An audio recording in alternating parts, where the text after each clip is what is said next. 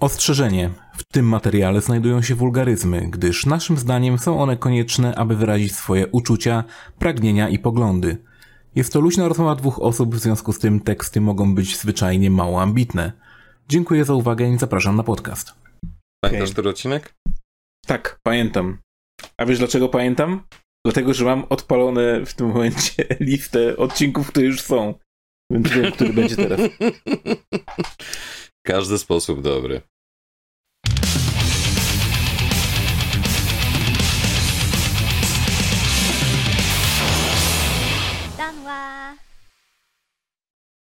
Witam, zapraszam wszystkich bardzo serdecznie na Pograduszki, odcinek 38. Jest ze mną Konsolajte. Jest też z nami gość specjalny, Adam. Siema, po raz drugi. Tak, i trzeba będzie zrobić taki mały trailerek reklamujący, tak jak było w Marvelu, we wszystkich filmach, że tak Kapitan Ameryka powróci gdzieś tam, gdzieś tam, to po prostu Adam powraca w 38 odcinku. Kurczę, dawno mnie tutaj nie było. E, zdążyłem zmienić mieszkanie w tym czasie. E, o. Nie, bo jak ostatnio z wami nagrywałem, to byłem, e, tam byłem na weekend u rodziców akurat i, mhm. i miałem ten mikrofon, ze, ten statyw, nie? Z książek. Na książek, tak, tak, tak. Prowizorycznie no. byle działał. Nie, ale to ja mam w tym profeska. momencie statyw na portfelu, żeby nie było drganie od biurka i to właściwie tyle. To pytanie, czy taki pełny, czy taki pusty. Ale, tak to wygląda, nie? Prawie jak Steam Deck. Trochę tak. Prawie no, jak... więc wcześniej ty byłeś u rodziców, a teraz ja jestem yy, u rodziców. Steam Deck, no nie, rodziców. No i się musi chwalić, tak. Yy, no jeżeli byś zapytał mnie, co się najbardziej zmieniło w tym czasie w Giereczkowie dla mnie, no to właśnie Steam Deck, nie? A, okej. Okay. Wcale nie casting couch za tobą. To dlatego jest taka poplamiona ta kanapa. No. To ona jest, myślałem, że do korepetycji. No, do, do Jedno nie wyklucza drugiego. Multitasking, no. W sumie tak. Absolutnie nie. No dobrze, ten, ten miesiąc. Wielozadaniowość. Był, ten miesiąc był obfity, jeśli chodzi o, o głupotę i o trochę takie spiny, które się powstały w Giereczkowie, że tak powiem. No ale zanim zaczniemy, jeszcze przypominam tylko o tym, że zbieramy pieniążki na wyjazd do kraju kwitnącej wiśni. E, jeśli dobrze pójdzie, to konsola zostanie w Japonii, w związku z tym wpłacajcie, mm, lajkujcie, szerujcie. Ale on będzie miał dostęp do internetu, przecież to się nic nie zmieni. Znaczy nie wiadomo, czy będzie miał dostęp do internetu w sumie. Nie wiadomo, jak w więzieniu jest. Wiesz co, jak on, e, ale jak on będzie chciał nagrywać za dnia, tak a u nas będzie noc, e, ciężko będzie mu się e, zgrać z ludźmi. Aha. Ale w ekstremie dalej pewnie będzie pisał. Yy, ale, znaczy... No to czyli połowicznie zwycięstwo, bo z jednej strony nie będzie go na podcaście, ale z drugiej strony niestety jeszcze będzie dalej pisał do Extrema, tak? Weźmy sobie tutaj Adamusa. Ej, wszystko małe zwycięstwa, małe zwycięstwa, pamiętajcie. tak. No dobrze. Wiesz, e, przegraliśmy wojnę, ale wygraliśmy, nie wiem, miasto czy coś takiego, nie? Przegraliśmy wizę do Japonii, ale wygraliśmy konsolajtę w japońskim więzieniu albo areszcie domowym. Teraz takie kratki powinny po prostu się pojawić. No dobrze. Najważniejsze, skoro jesteśmy przy temacie Japonii, no to powiedzmy o tym, że Nintendo z całej swojej w całej swojej wspaniałomyślności dodało y, Game Boya i Game Boy Advance'a do Switcha więc w tym momencie, o ile macie tego mm, Nintendo Plus Online, jakkolwiek się tam nazywa. Nintendo Switch Online. Nintendo Switch Online, dokładnie. O, dziękuję bardzo. Na normalnym, to... na normalnym tirze mamy Game Boy zwykłe i na tym mhm. szerszym mamy Advance'a. O. No i jeśli chodzi o Game Boya Advance'a, to w tym momencie nie ma zbyt wiele. E, w klasycznym Game Boyu troszkę tam jest. A jeśli chodzi o Advance'a, no to tak naprawdę mamy Legend of Zelda Minish Cap i to właściwie jest najlepsza gra, która tam jest, a reszta jest taka trochę mech. Tak mniej niż 10 gier jest w tym momencie, nie? Tak, chyba tak, chyba jest mniej okay. właśnie, no. To takie śmieszne, bo odpalasz dowolny emulator u dowolnego, wiesz, nastolatka, który się zainteresuje emulacją i pobierze sobie torrent, tak. nie? GBA ROMs e, i... Nie wie, co wybrać. no, a tutaj odpala, o, Zelda. No spoko, grałem. No ale widzisz, ale to, to jest akurat, to, to też jest częstym argumentem ludzi, którzy są antyemulacja, że o, bo jak ściągam sobie emulator, to mam tyle romów i nie wiem co wybrać. A tak to płacę, nie wiem, 250 zł rocznie, czy ile tam kosztuje teraz to i mam po prostu mniej niż 10 gier i nie muszę się zastanawiać tak naprawdę co wybrać, bo nie ma co wybrać po prostu, tak? Bo nie ma w co grać. Nie ma w co grać. To jest tak jak ci, którzy mają PlayStation 5 dla ekskluzywów, tak?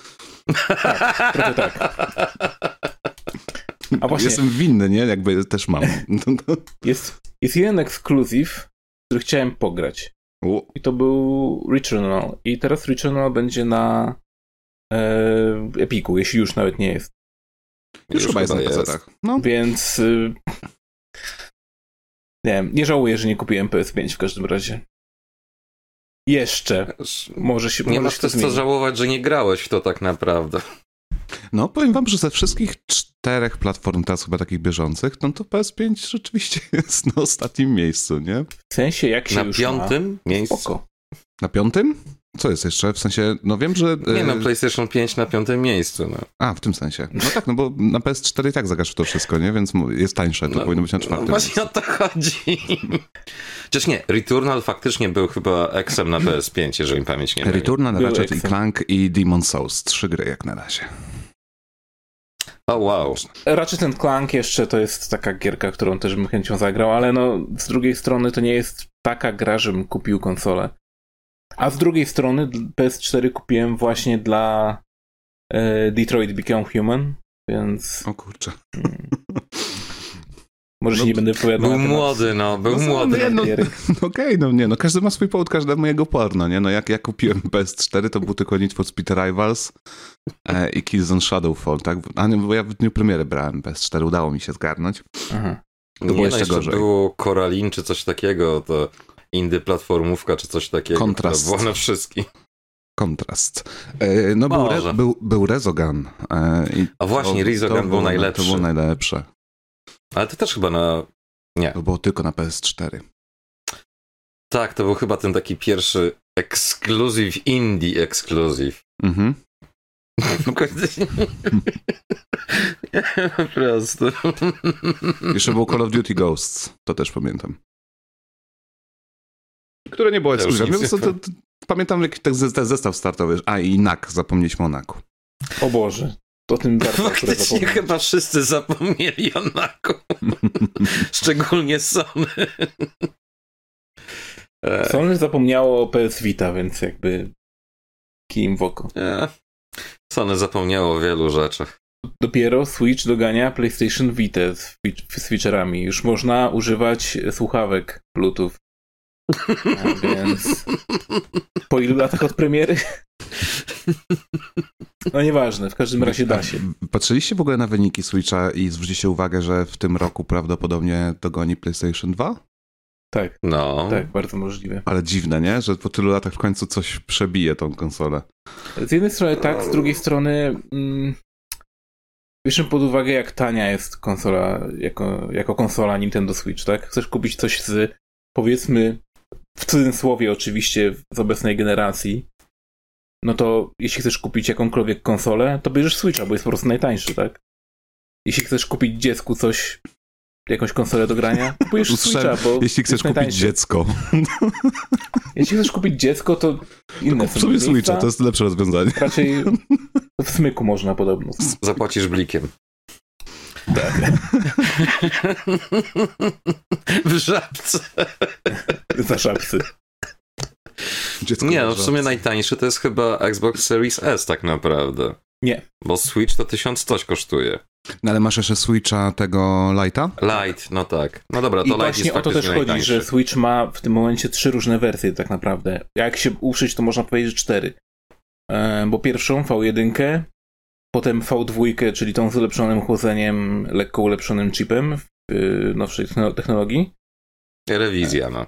Rewizja po prostu sprzętowa potem Light i teraz na końcu jeszcze OLED, tak? Więc mhm. mając tyle różnych wariantów konsol i mając bardzo wiele użytkowników, którzy kupią każdą konsolę, w tym każdą edycję limitowaną, bo to są po prostu fani Nintendo, którzy no, są jacy są, tak? Kupią Tłumacząc wszystko. na język polski, debile i skalperzy, łamani inwestorzy. No. tak. Jeżeli kupiłem dwa Switche już, w sensie to, to się zaliczam do tego?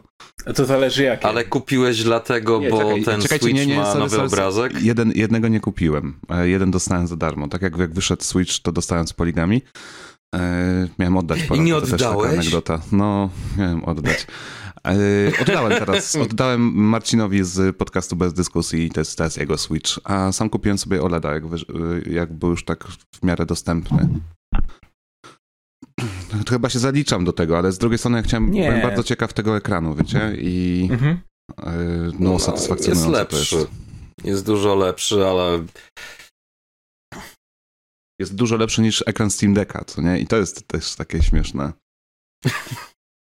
Spokojnie, zawsze możesz kupić nowszą, lepszą, bardziej wypasioną Steam Decka za rok. Myślę, że będzie też, nie? Że to jakby taki Steam Deck Na pewno to, to, jest, to jest po prostu kwestia czasu. Ale to jest Obstawiam, zabawne, że... że jest kwestia tylko i wyłącznie kosztów produkcji w tym momencie. To jest znowu kolejna rzecz, o której ja mówię, że um, Switch powoli zaczyna doganiać Vita. Bo jak pamiętamy przecież dobrze, to Vita pierwsza miała właśnie OLED wyświetlacz. I był mega ten, ten ekran. No tak, w sumie. Więc tak. Po tylu latach może kiedyś w końcu Switch dogoni Vita. Ale tycznego, tycznego, e, tylnego touchpada nikt nie dogoni. A właśnie, no to nie, sorry, to już a, chociaż może o, kiedyś. Spokojnie będzie Switch Pro, który będzie miał dodatkowe właśnie na tle, żebyś tak. mógł merdać sobie i tak dalej. Zamiast dotykać ekran, to będziesz na dole mógł macać. Coś, coś będzie pewnie jakieś Jedna gra to wykorzystywała nawet sensownie. Pamiętacie yy, więcej niż Te... jedna nawet. Ale ja trzy. pamiętam jak w Terrawayu to było, że yy, od dołu się dotykało, to, to to miejsce, które dotykałeś na planszy, na poziomie, zostało wypychane przez twój palec. Znaczy, że mogłeś sobie robić takie góreczki. A, no, no, tak, tak, tak, tak, tak. W Pataponie chyba też to działało, ale szczerze ja staram się zapomnieć te wszystkie gierki. Nie działało. Nie było e, specjalnego Patapona na Wicie właśnie, przecież były trzy na PSP tylko. A może mi się z PSP już pomyliło. Kurde, to jest właśnie ten problem, że w pewnym momencie to jest ta granica, co się zalewa po prostu, że to już było tak wcześnie i tak późno zarazem. To i tak próbujesz się tutaj e, jakoś wykaraskać. To jest problem tego, że nic nie wiesz o grach. Właśnie, a piszesz... Oczywiście dla... jestem dziennikarzem. Jesteś dziennikarzem grom. Nie możesz nic wiedzieć o grach. Inaczej byś się zajął robotą po prostu. Dokładnie, no. Pisał opaty wziął czy coś, a nie pisał o gierkach. Wiesz, Gdyby nie to, że jeszcze nie mam aż tak dużo wydrukowane, żeby pokazać, to bym przyniósł moją nową łopatę tutaj, ale na razie się wstrzymuję. Kurde, to jest... Tak, to trzeba, to, trzeba dopisać do, do bingo w takim razie jeszcze obrażanie konsolajty. Ale nie każdy gość się odważa. Wydaje mi się, że jak Adamus był, bo tak słuchałem sobie tego odcinka, no. gdzie Adamus tutaj z wami walczył e, i Adamus, już wiecie, z natury jest tak sympatyczną, dobrą osobą, że on nie chce obrażać Darka. Jest, jest, jest mega, mega spoko osobą i myślę, że fajnie e, że do nas wpadł i, i cały ten podcast mi się ogólnie osobiście podobał. Mm. Szczególnie dlatego właśnie, że miał po prostu inne zdanie, no i, i to jest spoko jakby. No ale tam ludzie w komentarzach pisali, że żeśmy go zagadali. Bo to prawda. No, nie, przepraszam, ty go zagadałeś, a nie ja. Na zdrówko. A, kłamstwo, kłamstwo. Czyli prawda. Od razu. Prawda. Jeśli kliknąłem, kliknąłem, to prawda. O czym mówiliśmy? Nie wiem. Um, o tym, mówiliśmy... że Sony jest niedoścignione przez Nintendo, jeżeli chodzi o kwestię ewolucji sprzętu. Natomiast jeśli już jesteśmy przy Sony, to możemy przejść do State of Play, a, które przecież było i na którym nie było nic interesującego i możemy przejść dalej. Nie, no, nie, musimy, nie musimy porozmawiać o, o Suicide Squad, wiecie? O kurczę. No musimy. E, dlatego musimy, że e, ta gra ile powstaje? Ile minęło lat od, od Arkham Knighta? 10? 6. Night? Początek PlayStation 4. Więcej, no. To już z dekada nie. będzie. Tak. A, ty mówisz o... Dobra, okej. Okay. Ostatniej grze Rocksteady. Spoko. E... Zapomniałem że o tych wszystkich reedycjach i remasterach i tak dalej, i A, rewydaniach. No, I o Gotham Knightach też zapomniałeś, ale to pewnie z jakiegoś tam słusznego to powodu. wszyscy chyba. E, no właśnie, ja powiem wam, że tak, no, byłem super ciekaw. Od samego początku jakoś e, niepokojem napełniało mnie to, że to będzie gra multiplayerowa. No i pokazali to w końcu w ruchu. pokazali grę, która jest tak naprawdę Sunset Overdrive na cztery osoby. Nie wiem, czy tylko ja mam to skojarzenie z Sunset Overdrive'em, E, ale Trochę która tak. robi dużo tych takich rzeczy. Ja nie wiem, co się stało z Warnerem. Jakby Warner, wydaje mi się, że te 5-6 lat temu oni uznali, że o, teraz robimy takie gry, że wiecie, jest e, gra usługa, e, sieciowe jakieś tam elementy. Tutaj jeszcze ten Suicide Squad, że gra singlowa, gdzie nie można odłączyć tego od internetu. Wiecie, tak, że zawsze AI gracze. będzie kierować postaciami, możesz się przełączyć. O, zobaczę, jak się gra King Sharkiem. Mhm. E, to wszystko jakoś tak brzmi, jakby Warner po prostu zasnęło w momencie jeszcze tak przed pandemią, jak był ten taki szał na tego typu gry. Wiecie, że zbierało się mhm. dużo ekwipunku, który był koloru niebieskiego, zielonego, pomarańczowego albo różowego. I... Albo dopiero teraz zobaczyli Overwatcha. I no, całą masę innych tego typu gier. Może tak, ale oni y, zarówno jakby te Gotham Knights było przecież w jakiś sposób dotknięte tym. E, teraz wygląda to, że Suicide Squad też będzie tym dotknięte. E, dziedzictwo Hogwartu to też jest ten, ten sam rodzaj e, giereczki i co się stało w tym Warner? Jakby, czy ktoś nie zauważył, że zmieniła się generacja, zmieniły się trendy, że nawet EA wydaje teraz gry co miesiąc, które nie mają żadnych mikrotransakcji e, i lutu? Popatrzcie, EA sobie dobrze radzi od jakiegoś czasu. Mam, mieliśmy w grudniu Need for Speeda, który był ok i nie był przewalony mikrotransakcjami. Wild Hearts wyszło, Dead mhm. Space, wszystko gry, wiecie, y, dopracowane, skończone, całkiem niezłe. A tymczasem no. Warner staje się nowym EA. Tak. Ale to jest taki trochę redemption arc dla y, EA tak naprawdę, bo fajnie jest widzieć to, że mega hate przez pewien czas był na, na ich gierki. Słusznie zresztą, no bo mikrotransakcje po prostu kojarzyły już się bezpośrednio z EA. Jeśli ktoś mówi o mikrotransakcjach lub na odwrót mówił o EA, to mieliśmy to samo na myśli. Mm, no, I teraz ze sprawą tego Shadow of Mordor chyba drugiego. Shadow of Mordor i Battlefront. chyba te z Gwiezdnych Wojen najbardziej. były najbardziej tak bolesne, jeżeli chodzi o właśnie zapłać jeszcze więcej, więcej, więcej. Battlefront, w którym trzeba było Znaczy ja pamiętam tego Battlefronta, tak, co nie? Tak. To była to przecież gigantyczna awantura była, jak ta gra wyszła. Co oni na chwilę mm. zamknęli te mikrotransakcje, tak? Bo już było tak się grubo zrobiło. Tak. Chyba w pewnym momencie właśnie było to tylko kosmetyka i tak dalej, już tak bardzo, bardzo kosmetyka, ale szczerze nie pamiętam, kiedy ja w to grałem ostatni raz i podejrzewam, że to było może jakieś parę miesięcy po premierze, jak tam coś ogłosili, to sprawdziłem i nie, same shit, no po prostu nie chce mi się już, nie? Znaczy ja ogólnie się nie jaram jakby grami i mediami związanymi z komiksami, więc dla mnie Batman na przykład to jest takie okej, okay, można zagrać, ale nie jara mnie to kompletnie. W związku z tym, jeśli macie jakieś e, uczucia wobec, e, wobec tej serii i chcecie coś powiedzieć o Suicide Squadzie, to śmiało, bo, bo myślę, że wiele innych słuchaczy też pewnie jest zainteresowanych tematem. Znaczy ja uważam po prostu, że tak wiele lat tworzyli i byli tym studiem, które było uważane za, wiecie, za, za mesjasza branży. E, ja lubiłem trylogię Arkham, e, najbardziej lubiłem tą, której nikt nie lubił, czyli Knighta właśnie ostatniego. E, czyli World of Gotham Battle tak, Tanks. Tak, tak, a najmniej lubiłem Arkham City. Więc w ogóle jestem takim dość ciężkim przypadkiem, jeżeli chodzi no, o to. ewenementem jesteś totalny. Tak, podoba mi się jedynka i trójka, dwójka mi się podoba najmniej. Nie, największym ewenementem byś był, jakbyś powiedział, że Origins ci się najbardziej podobało. No, to też by było ciekawe. Ale wiesz... A mi na przykład Origins się podobał. Ja nigdy nie grałem w Origins. Odpuściłem, bo nie było Rocksteady. W sensie już byłem jakby też przebatmanowany. Nie? A, Tego było już tam za dużo. przerost. Tak. E... No jeszcze jeden Batman, no zjedz, zjedz. A do tego ten, ten Night to była pierwsza taka większa, e, głośniejsza gra, którą musiałem recenzować na poligami. To był ten pierwszy moment, kiedy to pisanie zarobkowe o grach się dla mnie takie stało czymś tam więcej niż tylko taką, wiecie, zabawą raz na miesiąc dostawałem JRPG-a, którego nikt nie chciał zagrać z jakiejś tam redakcji. E, I wystawiłem bardzo pozytywną recenzję i to też był problem, bo, no, bo się sprzedawali i tak dalej, a mi się naprawdę ta gra podobała i do dzisiaj mam jakieś ciepłe wspomnienia na jej temat. E, no i minęło tyle lat, i strasznie byłem ciekaw, co tam wy, wy, wy, wysmażą. A widzę grę, która jest na pewno dopracowana i podejrzewam, że jak komuś taki rodzaj rozgrywki siądzie, to to będzie naprawdę fajne doświadczenie. E, ale co do której się boję, że no, Sunset Overdrive to to nie będzie. Przynajmniej tak to wygląda z tego, z tego gameplayu, który pokazali. E, I że to może nie być dla mnie. Ale jest no, data premiery. który pokazali, to jak dla mnie wygląda jak jeden wielki clusterfuck.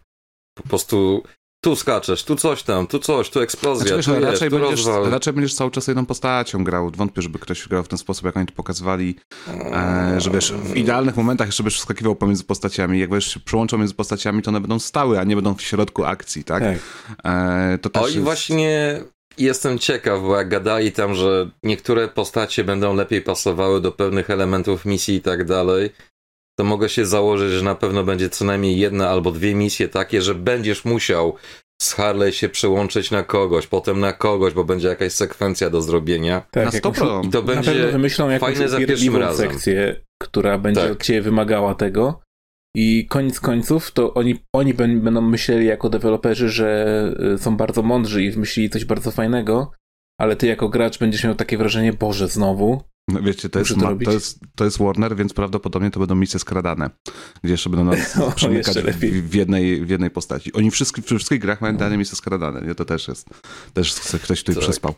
Sonic Heroes to nie będzie. się wizualnie to podoba, bo szczerze powiedziawszy, jak zobaczyłem ten pierwszy trailer jakiś czas temu, to tak, kurwa, dobra, to chyba jakaś pre-alpha i tak dalej, bo to nie może aż tak źle wyglądać.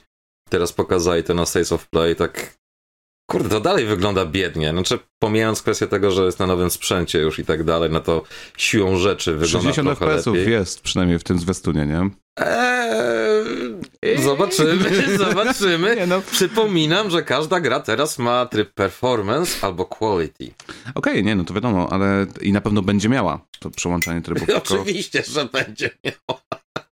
Tylko wiecie, Gotham Knights tam e, słabo, jeżeli było z płynnością, nie? To był ten taki moment, że ja się przestraszyłem, że być może jednak na tej obecnej generacji będzie tak jak zawsze, że pierwsze dwa lata wszystko świetnie, świetnie fajnie e, śmiga, a potem zaczną wychodzić gry tylko na to i już koniec 60, 60 FPS-ów, gdzie dla mnie ta płynność na PS5, na Xboxie X to jest najlepsze, co ta generacja dostarcza nam, nie? Bo, bo tego nam brakowało już dość długo, żeby gry były płynne po prostu. Oj tam, oj tam, ludzkie oko nie widzi więcej po rzeczy jest Tak, tak, tak, no. tak, tak, no na pewno. A, a dlaczego tak dobrze wspominasz pierwsze 3-4 lata PlayStation 2? No bo wszystko działało w 60 FPS-ach, aż się grafika nie polepszyła. Czy no wszystko? Właśnie. Prawie wszystko. Ja mówię, ale bardzo dużo gier tych na tak, starcie ale było tak, super tak, płynnych, nie? Mhm. Jack and znaczy, Dexter, znaczy, Ratchety, pamiętasz studiów, wszystko, które nie? się starały i miały dobre zaplecze, tak. Te inne gry, to co były jakimiś konwersjami albo multiplatformowe, no to różnie bywało. Mhm. Ale fakt czy siak, tak jak mówisz, dopóki grafika nie podskoczyła, bo zaczęli mieć nowsze narzędzia i bardziej szaleć, czy tak samo jak było z pierwszymi grami na właśnie PS2, że praktycznie rzecz biorąc, te gry, które już praktycznie wyglądały tak troszkę jak te rendery, powiedzmy, nie? To one wyglądały ładnie, chodziły różnie, ale te wszystkie gierki, które miały taką ciut lepszą grafikę niż PS1, że trochę więcej poligonów na postaciach, troszkę więcej tła tu i tam, ale widać było, że to była gra z PS1 tak troszkę podciągnięta, to one jeszcze chodziły dobrze właśnie. Niektóre gierki właśnie super. takie bardziej dopracowane. Tony Hawk 4. Powiem wam, że teraz... Legend of Legaia 2, kurde. Jakoś mi się to udaje właśnie skwantyzować. Mm, skwantyzować, uczucie, jakie mądre słowa. No, tak jakoś ująć w słowa po prostu... Jak się zaciekawił. Uczucie e, tego, jak kiedyś wyglądały właśnie gry i jak jako dzieciak wchodziłeś do salonu gier, to praktycznie wszystkie gry były w 60 klatkach. Zwłaszcza jak w sensie widziałeś, te... widziałeś, w salonie Dreamcasta. Dreamcast miał tak dużo tych płynnych gier, nie? I to było takie wow. Ewentualnie, tak? I, I te właśnie celowniczki wszystkie, i y, wyścigałki jakieś, i bijatyki, wszystko było w 60 klatkach. No, potem przychodziłeś do domu, potem przychodziłeś do domu, odpalałeś sobie PS1, nie wiem, tam, tam, tam było 15-20 FPS-ów czasami w tych giereczkach, nie? Na PS1. Tak, i właśnie miałeś, miałeś takie, taki klatkarz i stwierdziłeś, że okej, okay, da się grać, jest spoko, ale jednak tamten arcade to to było coś, nie? I, i w taki sposób właśnie ja zawsze postrzegałem chyba te, te płynne Mamy gry. z Azim bardzo podobne podejście do tego, takie wspomnienie salonów arcade. Salon arcade no. to były gry przede wszystkim płynne, dlatego one tak. się wydawały takie super nowoczesne. Dokładnie. I nieważne, że, że tam, wiesz, strasznie kanciaste wszystko było, jeśli już było w 3D. Oj, tam wtedy to czy, wszystko czy było piękne. Ale to nie było ważne, bo, bo było płynne, tak? I, mhm. I to było najważniejsze. Więc tak jak tak samo teraz mam, jak wychodzi nowa gra, i ona nie chodzi w 60 klatkach nowej konsoli, to mam takie odczucie, dlaczego? Jakby, co poszło nie tak? Czemu nie możecie po prostu pogorszyć tej grafiki? Dać Właśnie mi za dużo klatek? grafiki, no. Ale ja nie chcę tej grafiki, weźcie ją sobie do domu, no. Ale to przecież tak samo Ustawiam jak ten Forspoken ostatnio. Gracz, patrzcie, wielka postać w podcastach, dziennikarz. Ja nie chcę tej grafiki, weźcie to ode mnie. Nie, nie, nie, nie chcę Ja chcę Ponga. Wszystko, tylko nie grafika. Asteroid, kurde. No zabierzcie sobie tę grafikę, ja chcę po Nie, ale szczerze, ja rozumiem Aziego, bo na przykład ten Forspoken ja ostatni i parę innych gierek, to to jest dosłownie na tej zasadzie, jak na przykład masz kogoś, kto gotuje obiad i zamiast zrobić jedno konkretne danie, to po prostu, a to wykorzystam jeszcze to, a dodam jeszcze to, a dodam to. I może to będzie smaczne i tak dalej, ale kurde, no to jak masz ten właśnie Forspoken, czy te inne gierki, gdzie te cholerne partikle, jakieś oświetlenia, cuda niewidy i tak dalej. Jesus fucking Christ, to tak jak na PC, że często gęsto to jest zwykłe cienie. Ustawia, że były takie podstawowe. Wizualnie jest minimalna różnica. To nie jest tak jak na PlayStation i Saturnie, że jak miałeś Saturna, to ten cień po prostu był siatką meszową, a na PSX-ie miałeś po prostu cień cień. Mhm. I faktycznie różnica była kolosalna pomiędzy jedną wersją gry a drugą, ale tutaj, kurde, na PC często gęsto zmieniasz te cienie i one już automatycznie ci dodają, kurde, 50 klatek ekstra, jak masz dobry telewizor, fu, monitor, whatever, jak zło tak zwał. Kartę graficzną już nie wspominając. Po co to? Już pomijam kwestię, że oczywiście chodzi o czytelność. A jak napierdolą ci tego, że ty na tym ekranie patrzysz i. Okej, okay, co ja zrobiłem? Nie wiem, ale chyba coś zrobiłem, bo jest dużo eksplozji. No. Po tym się jednak rozpoznaje gracza gracza, mi się wydaje, bo jak ja spadam do znajomych, którzy mają PS5, a grają, wiecie, tak niedzielnie. Od wielkiego dzwonu. E, I wezmę sobie coś tam, u nich jest uruchomione, wezmę pada i wiecie, gram dosłownie 10 sekund, obracam się, wiesz, pauzuję, obracam się, mówię, dlaczego masz tutaj ustawiony tryb y, ten graficzny, nie? Dlaczego masz 60 FPS-ów? On mówi, no bo ładniejsza grafika. Ja mówię, co? Jak? Gdyby ta grafika faktycznie była dużo ładniejsza jeszcze. Ale nawet na tych telewizorach, które mamy obecnie, no ja też mam telewizor całkiem spory, 4K i, i jasne, teoretycznie to widać, tą różnicę, ale kto by wybrał odrobinę lepszą grafikę eee. na ponad płynność? Jest... Widać w bardzo specyficznych momentach i po kwadransie maksymalnie, jak dobrze pójdzie, nie jesteś w stanie odróżnić jednego trybu od drugiego, bo bardziej się skupiasz na tym, jak gra chodzi. No pewnie, że tak. Przecież na przykład Horizon w trybie wizualnym to jedyne, co tam jest lepszego, to oświetlenie i ray tracing który szczerze powiedziawszy tutaj pasuje w dwóch, trzech lokacjach, wreszcie lokacji, tak na przykład po tej pustyni zapieprzasz, albo po tych tam ruinach, to w zasadzie nie ma tam jedyne co ci robi, to ci zabiera klatki. światło, tak? Tak. No. I w zasadzie jedyne co ci to robi, to zabija klatki. Nic poza tym, no to sorry. Już pomijając kwestię, że i tak ta gra na początku nie trzymała klatek nawet w tym trybie performance, co niby miałyby klatki być stabilne. O, bo Digital Foundry powiedziało, tak bullshit. Jak będę Ale biegał masz... po pustyni, to wiadomo, że będzie więcej klatek. Masz też te gry, które ci oferują ten taki złoty środek, nie? Że starają się mieć tak, coś pomiędzy 60 FPS-ów i jakoś tam utrzymać ray tracing, nie? Jak było Miles Morales. Eee... No tak, tylko że to tam potem jest ta dynamiczna rozdzielczość, jak coś się dzieje, to w tym momencie ta rozdzielczość się zmniejsza i tak dalej, więc to jest tak, że ten system działa wtedy, kiedy po prostu biegasz po tak zwanych lekkich lokacjach. Natomiast jak już się coś zaczyna dziać, to automatycznie ci rozdziałka spada, tak samo jak na Switchu, że jak masz dynamiczną rozdzielczość w bajonecie, to dopóki robisz eksplorację, to jest spoko. Natomiast jak zaczyna się walka i zaczniesz jak najwięcej tych mobów klepać i tak dalej, pojawia się, to widzisz po prostu moment, kiedy faktycznie rozdzielka jest ucięta. I to jest okay. złe. Po prostu. Ja osobiście rozumiem, yy, jeśli ktoś używa trybu graficznego, w grze, w której tryb performance nie daje pełnych 60 klatek. W sensie daje ci hmm. na przykład 45 zazwyczaj, Horizon. a czasami nawet 30, tak? No właśnie. Znaczy nie, Horizon akurat dawał Horizon nie miał w ogóle trybu 60 klatek. A który miał? Na PS5 była A, na PS5 opcja, tak, że okay, masz albo quality, albo performance. Bo na PS4 Pro to to... Nie, był tylko jeden tryb, tak samo jak z God znaczy, nie, był, były dwa tryby. Tryb. Były dwa tryby na Pro i było to właśnie albo performance, albo grafika, ale obydwa ale były pro, zlokowane na pro, 30 wiesz, Pro to, to jest nie? przypadek. Ale obydwa były zlokowane na 30 FPS-ów. Po prostu jeden nie starał się ich za bardzo trzymać, a drugi tak, więc... Z naciskiem na stwierdzenie starał się. Tak. Dobra, to wracając do Suicide Squad. Jeszcze coś chcesz o tym powiedzieć? Śmiało. Nie, bo jestem ciekaw, bo jak ja to oglądałem, to pomijając kwestię tego, jak wygląda, czyli taki klaster fakt wizualny, to pierwsza rzecz, co mi się rzuciła w oczy, to jak te postacie beznadziejnie wyglądają, jeżeli chodzi o kwestię modeli postaci i twarzy. Harley wygląda po prostu paskudnie, tak pyzowato mocno. Reszta postaci wygląda tak, jakby to byli tacy cosplayerzy z gatunku, nie wiem, klasa Z po prostu. Nie ci tacy topowi, co zawsze na tych konwentach się pojawiają i tak dalej. O, już wiem. Te postacie wyglądały dokładnie na tym samym poziomie, tak jak ci, co byli w Marvelu zrobieni, czyli Kapitan Ameryka i reszta postaci w tych Avengers. Że po prostu no, jak zmrużysz oczy i mają maskę, Smith, to jest okay. To ma być Margot Robbie i tak dalej. Tak jak przymkniesz oczy, to, to może zobaczysz tam aktora No właśnie nie. Ona nie wygląda jak praktycznie nic do tej pory było. Nawet w Arkham City ona wygląda lepiej i tak dalej. Ale wiesz co, Rocksteady chyba nigdy nie mieli jakiejś takiej żyłki do pięknych konceptów postaci. E, nie to pamiętamy w, w trylogii Batman, pamiętamy głosy. No, gameplay. Głosy. głosy. jeżeli chodzi o postaci, to głosy, tak.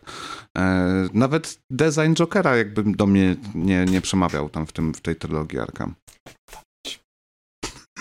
O, mamy in, in, intruzję. Oczywiście. Czekam aż, Mała przerwa. Będzie. Mała przerwa. Spoko. Czekam aż u mnie teraz z tego, że jestem u rodziców, to będzie zaraz coś w stylu herbatkę chcesz? Mateusz, obiad. tak. Ja teraz nagrywam, mamo, ale no, będzie zimne się zrobi. Ale mama, mama nagranie jest. To, to online, nie mogę spauzować. Nie mogę spauzować. Ale wiecie, że ja wszystko słyszałem. Wy... Wiem, masz słuchawki bezprzewodowe. No. Tego nie możesz wyciąć, tego nie możesz wyciąć, bo to jest dobrze. Spoko. Mamo, podcastu nie da się spauzować. Czy da się? No. Da się, ale ile to z roboty w ogóle, jak się pauzuje podcast? Mama, a będziesz sobie no. edytować później?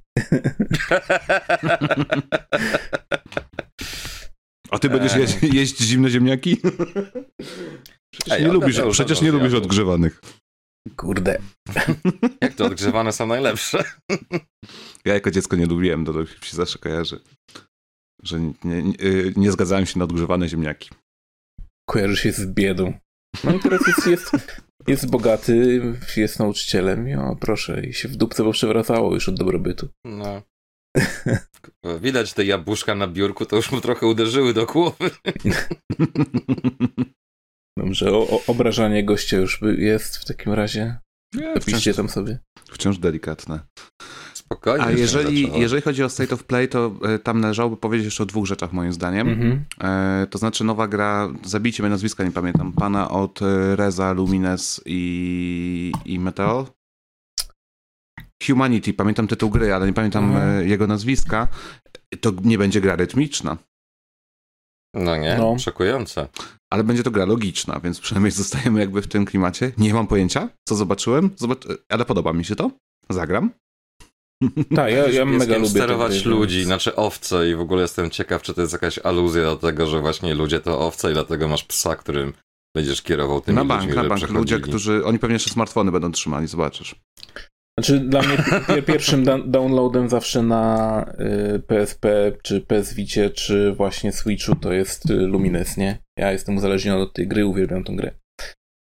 Więc tak. Ja na każdej platformie, no, której by, była też zawsze kupowałem, nie? E, no. I na Switchu, mimo tego, że znałem na pamięć już to wszystko i te melodyjki, i te dźwięki, to dalej grałem. O. No, e, jeszcze Lubimy te piosenki, które znamy. Teoretycznie tak, ale jeżeli chodzi o muzykę, to staram się jednak cały czas słuchać nowych rzeczy, bo się boję, że jak już jestem po 30, to, to wkrótce właśnie się zacznie... Dużo czasu nie ma. Zacznę się staczać w, ten, w tą taką przepaść na zasadzie, już mi się nic nie podoba nowego, nie? Nie lubię nowych artystów, nie lubię nowych gatunków. Nowa płyta, jeśli DC jest chujowa. I będzie tylko Czesiek Niemen na, na lupie leciał. Znaczy nie, no sorry, to nie jest Metallica, no dobra, DC jeszcze trzyma poziom. Nie chodzi mi o tych staruchów, tylko chodzi mi o nowe zespoły właśnie. Eee... O, już się zaczyna staruchów, patrz. to, to, to mimo wszystko mamy tutaj do czynienia ze staruchem, nie? No tak. W każdym razie jeszcze chciałem powiedzieć o Resident Evil 4, bo w tym zwiastunie, no, który pokazali tutaj... Się. Tak? Zbliżaliśmy się? Taki był tak. plan. A, no to ja już od razu uderzyłem, patrzcie. Dobrze, dobrze, dobrze. No i bardzo dobrze, no. Są dwie Czasami rzeczy. miło wy powiecie, z boku. Wy powiecie o jednej, czyli pewnie ponarzekacie mhm. na to, że za dużo akcji się boicie o tą grę. Też się boję. Nie. Nie? Nie. Darek nie. się nie boi. Ja Absolutnie się... się nie boję że tego, że będzie za dużo akcji. Wręcz przeciwnie, akurat znaczy, w sumie to Resident Evil 4 zawsze był dość mocno napakowany akcją. Tak stosunkowo do. Do od przykład, połowy, od połowy to był końcówka, prototyp tego, co potem mieliśmy przez najbliższe 20 lat. No. 20 to trochę przesada chyba. No jak to nie? Kiedy wyszedł Resident 4? 2-4? No dobra, no. To, już, no to już będzie, dobra. Eee, no ale tak, piątka i szóstka. 2002? No to... 2002-2004, no to musiała być końcówka tamtej generacji. Czyli nie, no to na GameCube wyszło w miarę świeżo, potem była konwersja na PS2 i praktycznie rzecz biorąc od momentu, kiedy czwórka wyszła Residenta, to był albo taki mikrowylew właśnie jakichś takich gierek na szybko zrobionych w tym stylu, 2005. albo tych takich lepsiejszych trochę. No Dead Space, jakby nie byłoby Dead Space'a, gdyby nie było Residenta czwórki, nie? No. E, Gearsów ale... i paru innych gier też nie. Ja do końca nie wiedziałem, bo tak e, nie oglądałem, nie, nie czytałem za dużo na temat tego remake'u i zastanawiałem się, co zrobią z dwoma e, tymi biomami e, późniejszymi w grze, czyli z zamkiem i z wyspą. A tutaj w tym zwiastunie specjalnie pokazywali właśnie przede wszystkim zamek i przede wszystkim wyspę, czyli że dalej będą tam karabiny maszynowe, CKM, helikoptery, tak, to wszystko będzie. Eksplozje, wybuchy. Tak, że to ma być dalej ten sam Resident 4. Czyli nie będzie chyba nie tak będzie. dużo zmian jak w trójce.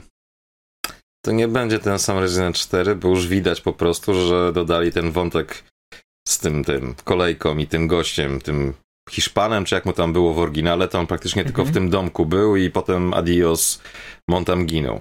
A tutaj jakaś jazda kolejką ala Donkey Kong Country, tylko że tak. z karabinami i eksplozjami, tak? Ale ja szczerze okay, ja, może ja być nie pamiętam, ciekawie. czy była kolejka, czy nie było kolejki właśnie w czwórce, bo czwórka miała tyle e, dziwnych była... zapisów, że... Była, ale nie w ten sposób jakby... To jest trochę, trochę bardziej absurdalna jeszcze niż była tam.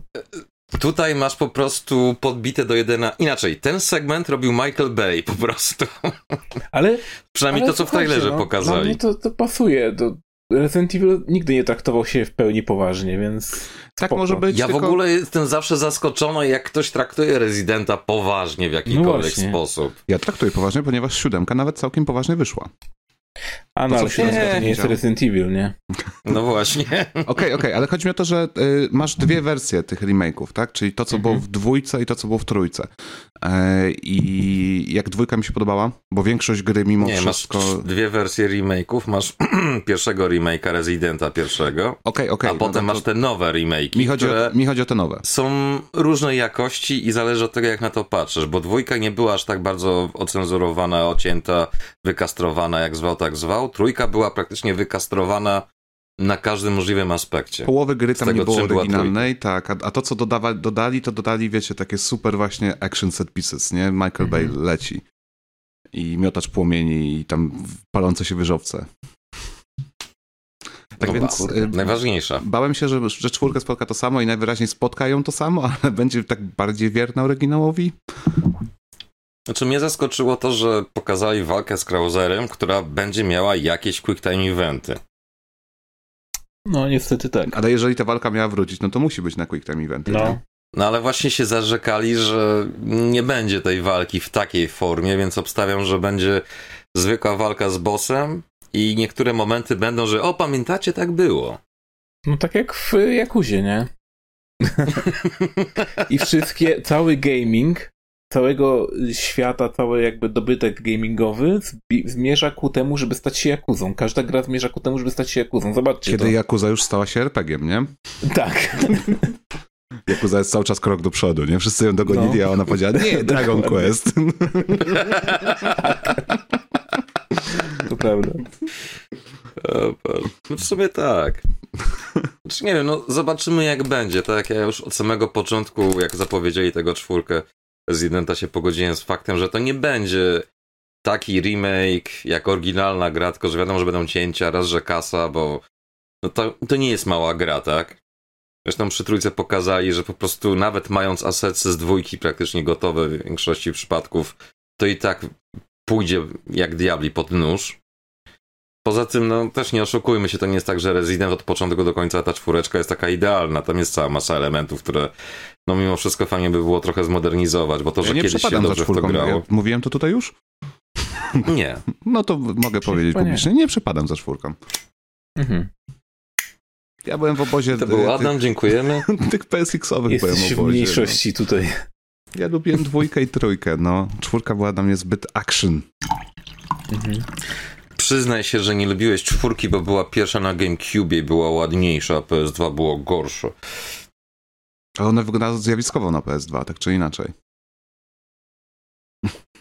Hmm. Wiesz o co mi chodziło, no. W tamtych czasach... Nie, no na PS2 no. była Ada Wong jako dodatkowe misje, więc choćby z tego powodu ta wersja jest lepsza.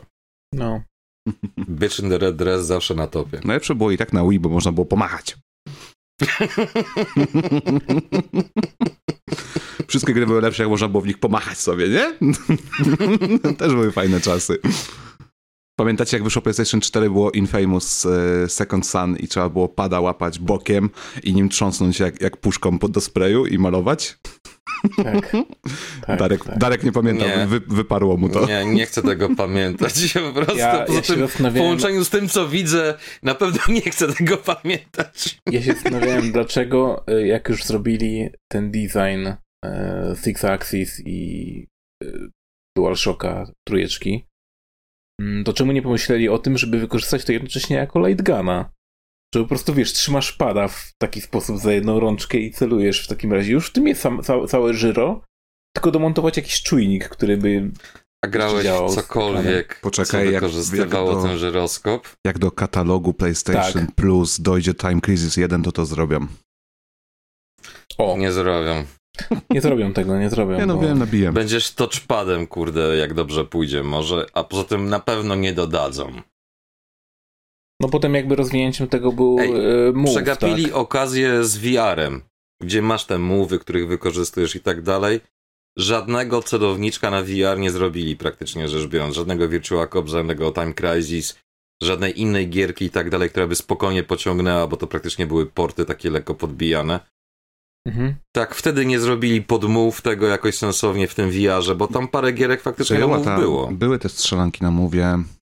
Tak, ale mi chodzi o to, że pod VR już tego nie podciągnęli. Było też przy Bo to był praktycznie jedyny powód, dla którego Mowa sobie zostawiałeś. Pamiętam Sharp, e, Jezus, Farpoint się nazywało, ja to recenzowałem, Farpoint, dostawałeś no. taki plastikowy karabin. Do którego wkładałeś um. mowa.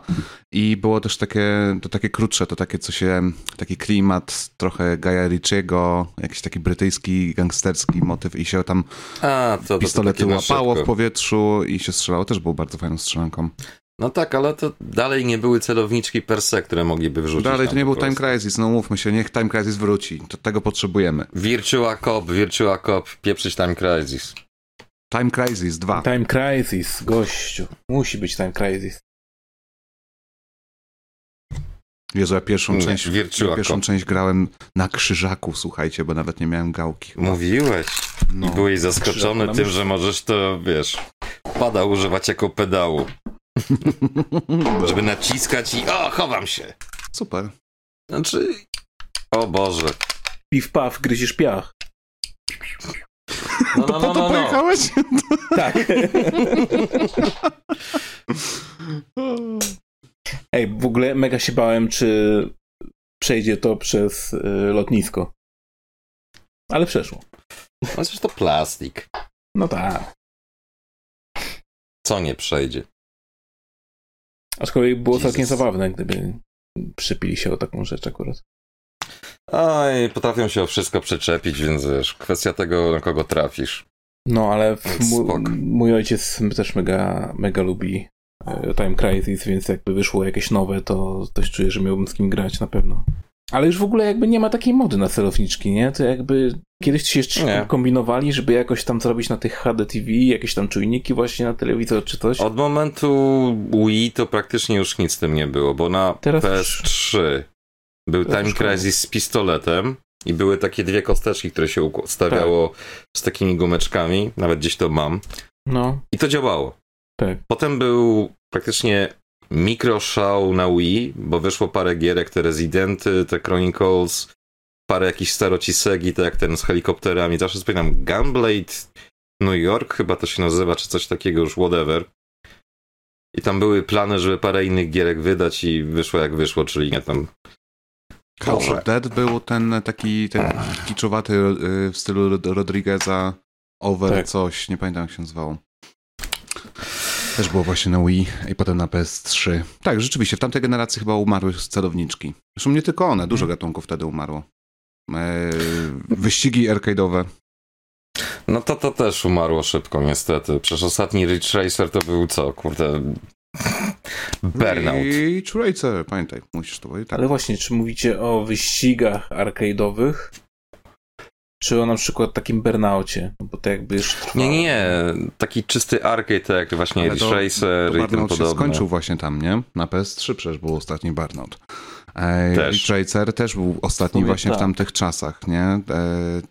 Blur, Split Second, e, wiecie, te giereczki, takie wszystko, takie te drugoligowe, arcade'owe ścigałki, które przepadły. Została nam tylko Forza Horizon w pewnym sensie. Która jest średnio arcade'owa, w sensie jest no tro, dobra, jest, jest wystarczająco, no jak ale... się ścigasz z, z, tam, wiesz, z pociągiem i tak dalej, jest to wystarczająco arcade'owe, żeby jakąś tam niszę wypełnić, choć troszeczkę. Tak. E, no ale to jest wciąż za mało, nie? No. Need for Speed Unbound. No. Y, ja jeszcze nie grałem tego, w tego nowego Need for Speeda, Też ale wygląda tak mocno arcade'owo. E, czekam na jakąś promocję po prostu, albo aż trafi w ten jej play się Game Passa. No. Nie, bo to nie jest jakaś dla mnie top, top, top 1 gra, żeby ograć. Aczkolwiek jak patrzyłem na listy samochodów i na tuningi tam możliwe i że możesz starym Mercedesem beczką sobie jeździć, no to jest po prostu mega, nie? To jest na, nareszcie jedna z tych części właśnie, która ma nowe samochody, ale ma też stare samochody, a nie tak jak y, od pewnego czasu właśnie trend poszedł tylko i wyłącznie w nowe samochody i, i, i to koniec, a tam możesz jednak y, trupami sobie też pojeździć i je zrobić fajnie. Spoko, Project Cars jeszcze chyba miał w miarę trochę starych samochodów. Miał, też... miał też, no. Ale w Project Cars tak. to już taka umarła trochę gra. Ja nawet zapomniałem praktycznie do momentu, żeśmy gadali o wyścigach, że ona istniała, bo mi się teraz przypomniało, jak mówiłeś, że stare no. samochody. Że trzy części nawet były, nie? Tak. No, nie? Ale Test Drive i te inne takie stare serie, Sega, o, Rally, no. wszystko po prostu pozdychało. Halo, Test Drive Praktycznie... wraca przecież. Tak? Co? No ten, yy, już jak się nazywał ten Test Drive, dwie części, co było na Wyspie Tropikalnej? A ja wiem. E, Far Cry? Unlimited. Unlimited, tak? No. No to przecież nowy Unlimited jest zapowiedziany. Unlimited i Unlimited jest. 2 właśnie był. I teraz jest nowy. Znaczy zbliża Aha. się nowy. Znaczy w ogóle mi brakuje strasznie, powiem wam szczerze, takich y, samochodówek, znaczy jeszcze może właśnie Need for Speed jest taką dla mnie niszą osobiście, ale brakuje mi takich arcade'owych wyścigów, w których by był faktycznie progres, tak? Bo teraz na przykład odpalasz sobie Forza Horizon i to jest, to jest wielki problem. Masz, masz gifty, tutaj no. masz y, Lamborghini Sesto Elemento na przykład, jak chcesz, nie? Samochód, który kosztuje tam kilkadziesiąt milionów, nie? I tak a, a mogę zacząć od golfa i dorobić się go? No nie, nie możesz, nie. bo już zostajesz po prostu i tyle, nie? Nie możesz, bo jak nie damy ci dwóch samochodów na, na 10 minut, to pewnie przestaniesz grać w naszą grę. Tak, dosłownie, nie? Tak. I w związku no. z tym nie używasz prawie żadnego, nie? Tak. Eee, wiesz, czego mi brakuje w tylko jedynego. Brakuje mi Motorstorma przede wszystkim. No i Ridge'a też, no. Ridge'a i Motorsport. No, bardziej bym Ridge'a jednak chciał, żeby wrócił, no. no. Pewnie Ridge Racer zajebisty. Szczególnie te driftowanie i tak dalej. To było najfajniejsze. Po prostu siadasz i nie chodzi o to, kurde, praktycznie jaki masz samochód, bo to wiadomo, że to wszystkie były jakieś takie no-name inspirowane. Ale tak. ten fan, że robisz ten pościg skontrolowany, kurde, niektóre te trasy były takie, że tam w zasadzie nie licząc startu, to byłeś cały czas w kontrolowanym poślizgu. Tam nie było momentu, tak. żeby absolutnie muzyka, kiedykolwiek i, jechać. No, no właśnie. Wszystko, wszystko, tam było dobre w tych Ridge Od momentu, no. tam było kilka takich odsłon, chyba od czwórki albo od piątki, ta seria miała taki szał, nie? Ta na 360, ta na PS3, ta na PSP. Hmm. To wszystko było świetne, aż do tego ostatniego, co, na co się PSP były najlepsze. Te na mhm. PSP były super. Znaczy to jest w zasadzie jedna gra, tylko zwykła no, wersja tak, i rozszerzona, ale nie? wiesz, chodzi o to, że raz to był ten stary, dobry Ridge Racer, dwa, że miałeś te wszystkie trasy nowe co były i jeszcze te stare też poodnawiali. Ale nie wiem, może się ludziom po prostu znudziło, że tylko jeździsz, właśnie, że I nie dostajesz cały czas czegoś tam nowego. Był ostatni taki y, Reach, o którym się już nie pamięta, ten zrobiony przez innego dewelopera na PS3 no. to wyszło i on się nazywał też chyba Unbound. Mam takie wrażenie. Musiałbym sprawdzić. Nie no. Nie e, który tak. zatopił całkowicie markę, bo to tam nie było. No to właśnie to, co mówię, że żeśmy dostali burnouta praktycznie rzecz biorąc. Znaczy problem jest w tym momencie taki, że e, użytkownicy, właśnie gracze, mm, tak jak zresztą Adam bardzo dobrze zauważył, jeśli nie dostaną czegoś w przeciągu najbliższej minuty grania, to zrezygnują po prostu, bo wiesz, coś się nie dzieje, coś nie idzie, nie, nie, nie ma gratyfikacji. Czegoś. Tak, nie ma jakiejś gratyfikacji właśnie. No, czyli mm, wszystko te... skierowane w pokolenie Z, nie? Żeby, tak. oni się, żeby oni się dobrze bawili. Żeby cały ale, czas było. Ale jakby nie widzę problemu, żeby połączyć to ze sobą. W sensie, żeby zaspokoić obydwie demografie jedną dobrą Wystarczy grą. zrobić dwa tryby. Kariera i arcade. I koniec tematu. Jak chcesz dostawać cały czas coś, to po prostu, kurde, grasz w jakiś, nie wiem, tryb kariery, story, jak zwał, tak zwał. Jak chcesz tak. właśnie tego klasyka, masz po prostu arcade mode i tyle. No. I jedyne, co by było problematyczne, to po prostu model jazdy, żeby zachować. Bo ja mam wrażenie, że taki że... typowy arcade'owy to jest za bardzo zręcznościowy dla ludzi chyba. I obecnie. przy obecnych silnikach ciężko by było się... to zrobić, jeżeli chodzi o wagę hmm. tych samochodów, nie? No to... Całkiem dobrze sprzedał się y, Horizon, y, ta gierka, która była taka ala Chase Turbo. Ale czyli Horizon Chase Turbo, dokładnie tak. Dwójka jest na, na już jest, bo jeszcze na konsolach nie ma, jest mhm. na iPhone'ach, na, na tym, na, Apple Arcade. I jest mhm. fantastyczna dwójka, jest lepsza od jedynki. Jest po prostu dla mnie na okay. gier Czekam na kodzik roku. od gościa. Czekam na kodzik od gościa, jak będzie na normalnej patrzcie, konsoli. To jest, to jest, to jest taka klasyczna gierka, która jednocześnie i tak jest grywalna dla, dla właśnie pokolenia Z, tak? Dla nowej... Tak bo jest kolorowa, bo jest prosta, bo jest szybka. Jest kolorowa, jest dużo różnych fajnych, wiesz, bajerów, które dostajesz co każdy wyścig. Jest odpowiednio tak retro, żeby nie być za bardzo retro. Tak. Ale on ma wielką zawartość przede wszystkim, co nie? Te gry hmm. mają po 60-70 tras. No to dla tak. nas, starych graczy, to jest takie wow. Kilkadziesiąt my lubimy, lubimy, jak są trasy, nie? Pierwszy Rich jest trzy trasy. To jedna tak no. tak naprawdę, nie? W trzech wariantach. No. Tak. Dobra, powiedzmy, że jeden główny element, który został rozdzielony na trzy inne, troszkę inne elementy. Ej, I mirror oczywiście. Już. Czekajcie, uważajcie. Muszę zapalić światło. A to nie jest łatwe przy statywie, nie chcę wam tu zrobić syfu. Czekajcie, nie będę was słyszał, przez chwilę możecie mnie obgadywać. Dobra. No, no to Łysy z Brothers nas opuścił. Chociaż na Poszedł sprawdzić właśnie... O, casting couch rozłożyć już. A, dobra, dobra tam. Mario, nie, nie, nie, nie, nie. Koniec. I teraz już Koniec. widzę, jak wygląda jego casting za każdym razem, że jak jest wszystko ok, to woohoo, here I go. Kończymy ja zapomniałem, podcast, że bo... mam tutaj Super Mario plakat, patrzcie. Kończymy podcast, bo tu jakieś y, szkolowaliśmy Nintendo przed chwilą, a tu proszę, nie? Dostałem od uczniów swoich na Dzień Nauczyciela. O. To uczniowie, uczniowie rozumiem, że... Ja kocham Mario Odyssey, jesteś... 10 na 10. Y, w pełni wiedzą, że jesteś manchildem, tak? Mhm. No i dobrze. Widziałeś pokój Darka? O, no, was. Nie, on ma bardzo taki... On, on układa gandamy, stary. formalny pokój. Ej, albo ta ściana, albo ta z grami. No. Lepsza była chyba z grami niż z gandamami. Kiedyś Ej, musisz zrobić pod tą ścianą z grami właśnie, bo mieliśmy jeden podcast, kiedy siedzieliśmy przy stoliczku. No ale to tam głównie telewizor był z planszą i tyle. Tak. Musielibyśmy to zrobić tak, żeby faktycznie to, wiesz, odsunąć pod dobrym kątem, żeby było widać, ile tego śmiecia Bo tam leży. Zrobiliśmy błąd, ja mówiłem, żeby na tym telewizorze wyświetlić kominek, że jeszcze kominek masz w domu, wiesz. Teraz robię... tym razem będzie. Nie, robię tak, robię tak w grudniu na, na zajęciach. Na języku polskim jest kominek odpalony w kącie klasy, ustawiony na na monitorku odpala na YouTubie i mamy kominek zapalony. Wiesz, co by było mega, gdybyś to zrobił na CRT-ku, bo CRT-ki strasznie mocno dają po gałach, nie? Więc jakby walniesz ten... I grzeją. Tak, tak, tak. I możesz przełożyć ręce do komika. tak. No ja mam, mam CRTK w sumie, to nie jest niemożliwe. No. Dawajcie następny temat. Bo się ściemnia. temat. Dobrze. E, This Month in Stupid. Nasza ulubiona sekcja tak naprawdę podcastu. E, Jedyny powód, dla którego to nagrywamy.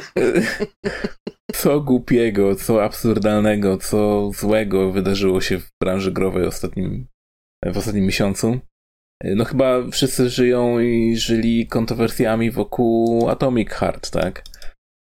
Mm, Atomic Heart jako gra, która powstała przez e, ze sprawą rosyjskiego studia Mm, no oczywiście, że musiała, musi się liczyć teraz z tym, że ludzie po prostu nie chcą jej wspierać, bo no to Rusy, bo Rosja, tak, bo więc... zło, bo wojna, bo na pewno więc... dochody idą na wspieranie wojny i tak dalej. Więc tak, tak. A to jest w miarę udowodnione, wydaje mi się, że one idą? Nie. Oczywiście? Yy, no czy to, są, to jest w taki sposób udowodnione, jakbyś na przykład, jakby tobie zarzucili, mając firmę w Polsce, robisz grę w Polsce, a tobie by zarzucili, że jesteś zapisem, no bo skoro robisz grę w Polsce, to twoje podatki idą na PiS, więc wspierasz PiS, tak? To w ten sposób by działało. O. CD PiS projekt. CD... Jak coś, coś co można wymyślić, coś na pewno. No. Ale Spoko, tak. zrobię ten, grafikę. W ten sposób CD działa. i projekt. Znaczy ja y, jestem zdania, że wiesz, a, takie absurdalne już y, treści typu kupując atom, jedna kupio, jeden kupiony Atomic Heart to jest jeden martwy ukraiński żołnierz, to już jest po prostu jakby straszne granie na emocjach i bardzo takie niefajne, e, że w ogóle musimy się z tym mierzyć jakkolwiek Ale w internecie. To jest, to jest niebywałe, bo, bo jest ta awantura i, i ludzie rzeczywiście mówią, a najmniej się mówi o tym, że Microsoft zapłacił tej firmie, żeby mieć tę grę w Game Passie.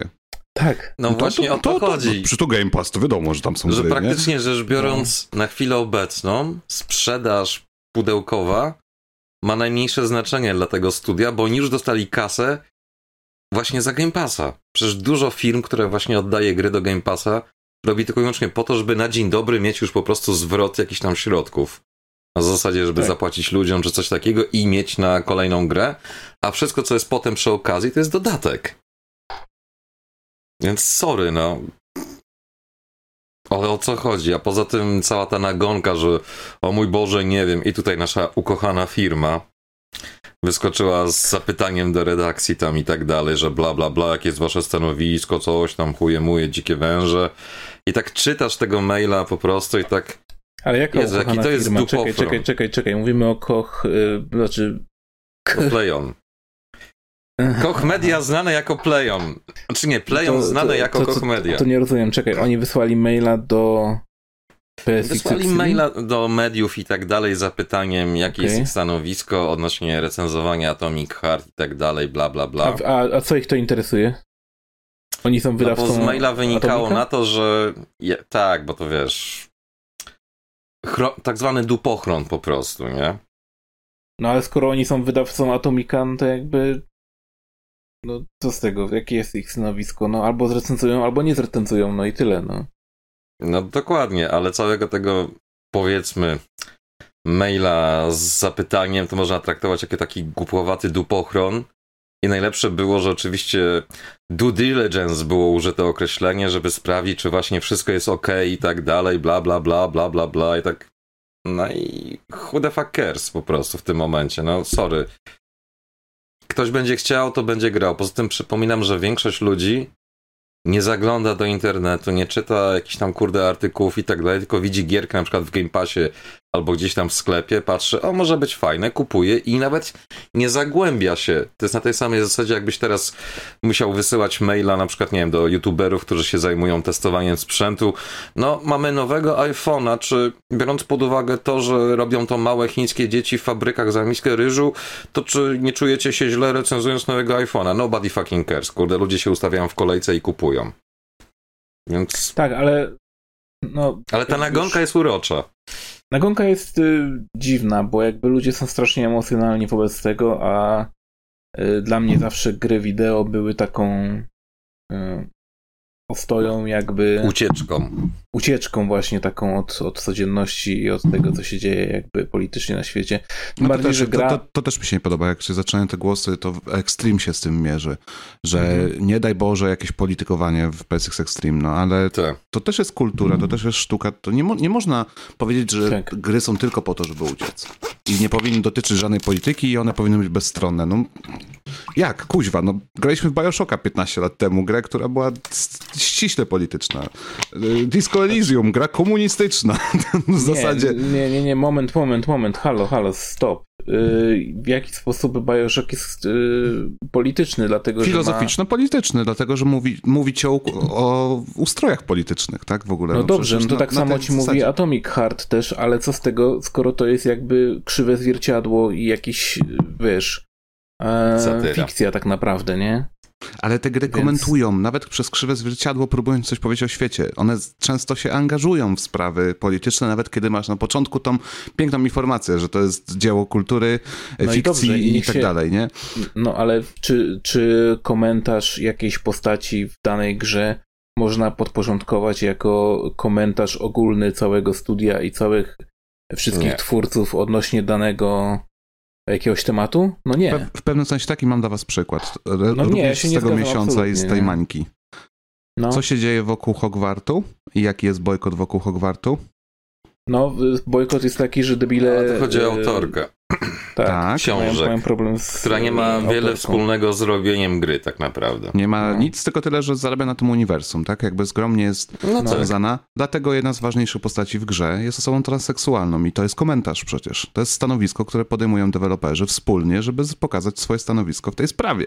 Ale wątpię, żeby y, okay. Rowling w, jakim, w jakikolwiek sposób y, to zabolało przecież, więc może jeszcze nie wie. Może jeszcze nie doszło do tego momentu. Nie, nie, nie, nie, nie, nie, nie, wątpię. Nie, Może to, jeszcze nikt jej nie powiedział. Wiesz, to nie jest. Y, nikogo to nie boli. To jest jakiś, wiesz, to, to ktoś sobie może mówić, haha, o, zrobiliśmy, nie wiem, na złość czy coś, nie?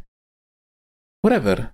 Pieniądze, pieniądze dalej idą z pieniądze, te pieniądze i... idą nie dla tych autorów przede wszystkim. Ci autorzy dostają, wiecie, no, dokładnie. To, no, ścinki Oni już dostali kasę za zrobienie gry. Jedyne pieniądze, jakie idą, to do inwestorów i właścicieli marek, bo zależy od tego, jak była umowa skonstruowana. Jeżeli ona ma, załóżmy, taką umowę, jak większość takich, powiedzmy, tych ważniejszych autorów, nie?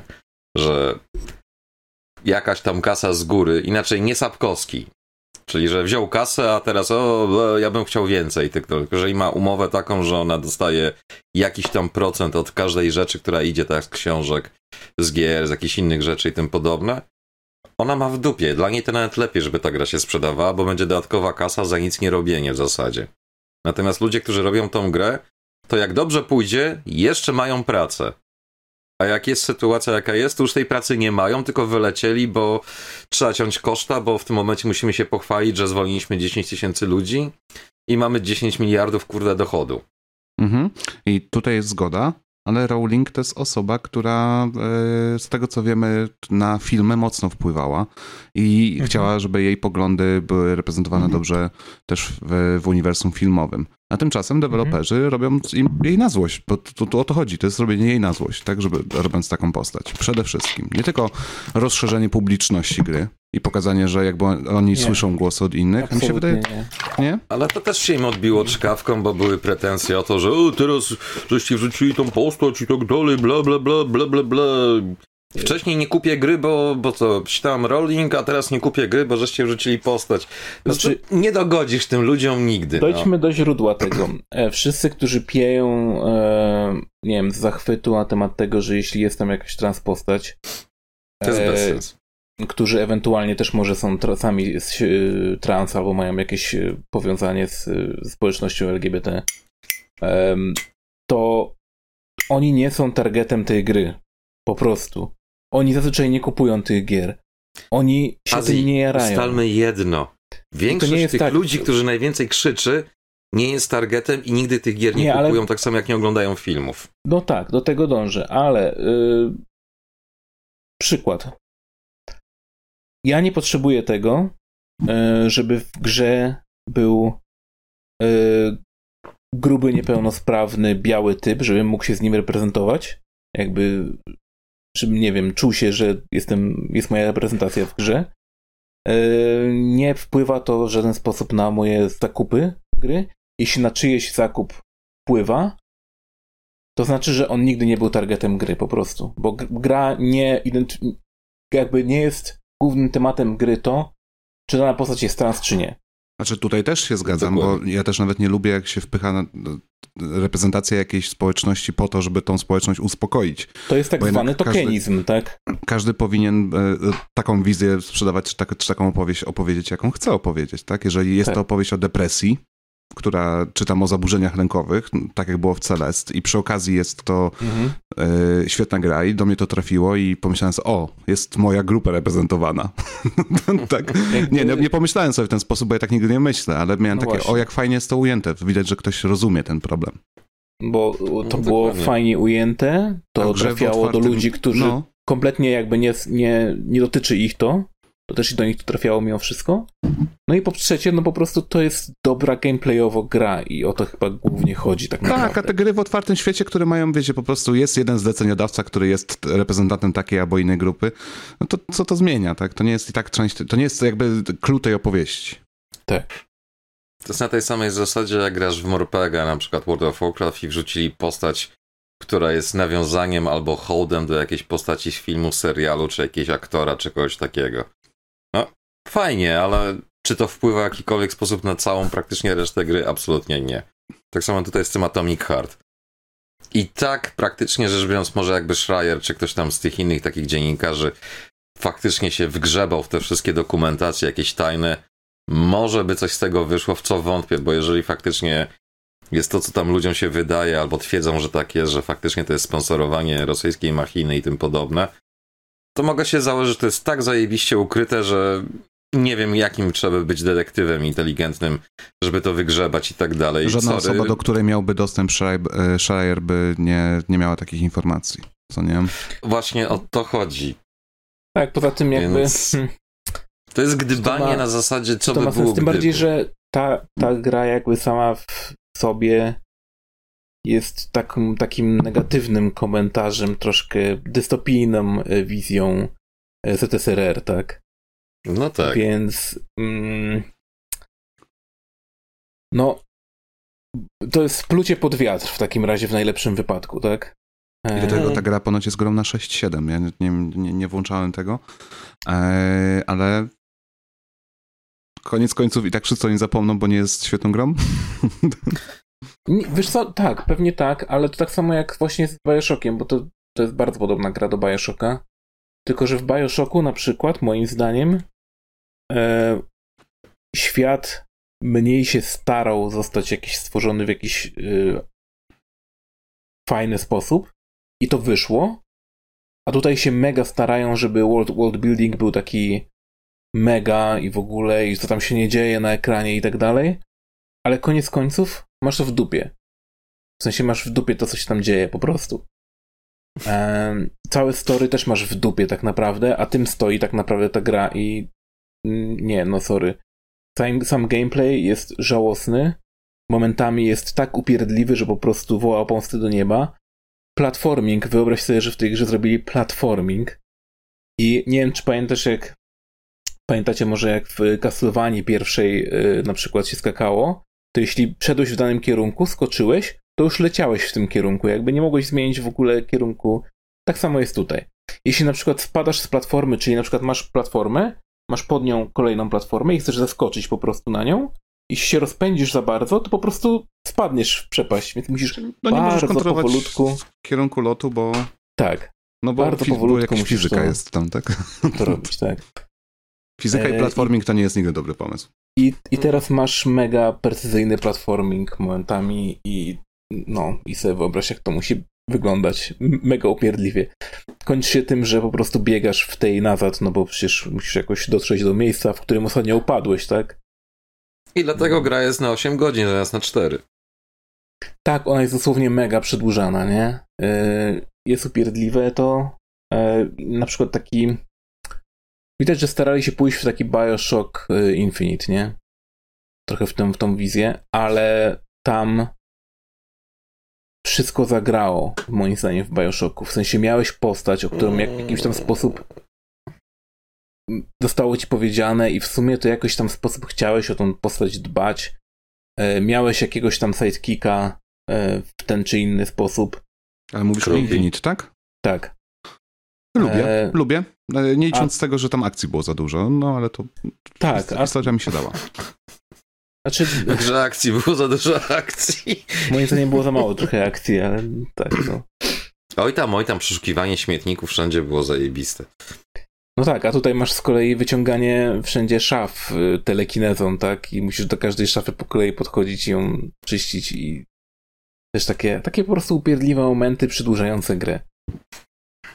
Mm, masa tuneli, masa jakiegoś wspinania się gdzieś, bo przecież trzeba jakoś jeszcze bardziej spowolnić gracza, żeby za szybko nie przeszedł z miejsca na miejsce. Mm, jeśli ktoś bardzo, tak. bardzo, bardzo lubi Bioshocka, to może sobie zagrać w tą grę. Jeśli ktoś nie lubi Bioshocka, to niech trzyma się z daleka. A jeśli ktoś, nie wiem, wierzy w to, że e, jeśli odpali tą grę na Game Passie, to, to zginie ukraiński żołnierz, to też niech nie odpala i, i wszyscy będą, być, będziemy happy. Ale jakaś, wiesz... Um, tak samo, zresztą tak z Hogwartem było, że autentycznie jedna osoba mnie usunęła ze znajomych na Facebooku, o czym musiała mi oczywiście powiedzieć jeszcze, bo jakby to było inaczej. Po tym jak cię e, usunęła? Za to, że stwierdziłem, że w sumie to Hogwarts wygląda całkiem fajnie i jak będzie na jakiejś promocji czy coś, to może kupię, zagram. To straszne. To już przesądziło o tym. A więc tak. Ja kupiłem Hogwarta. O, nie. No nie, no to musimy cię usunąć z podcastu teraz. Nie, no, a masz, a masz ja... taką czapkę? Taką, czekaj, zaraz ci pokażę nawet jaką. Ja oczywiście mam trochę wszystkiego. O,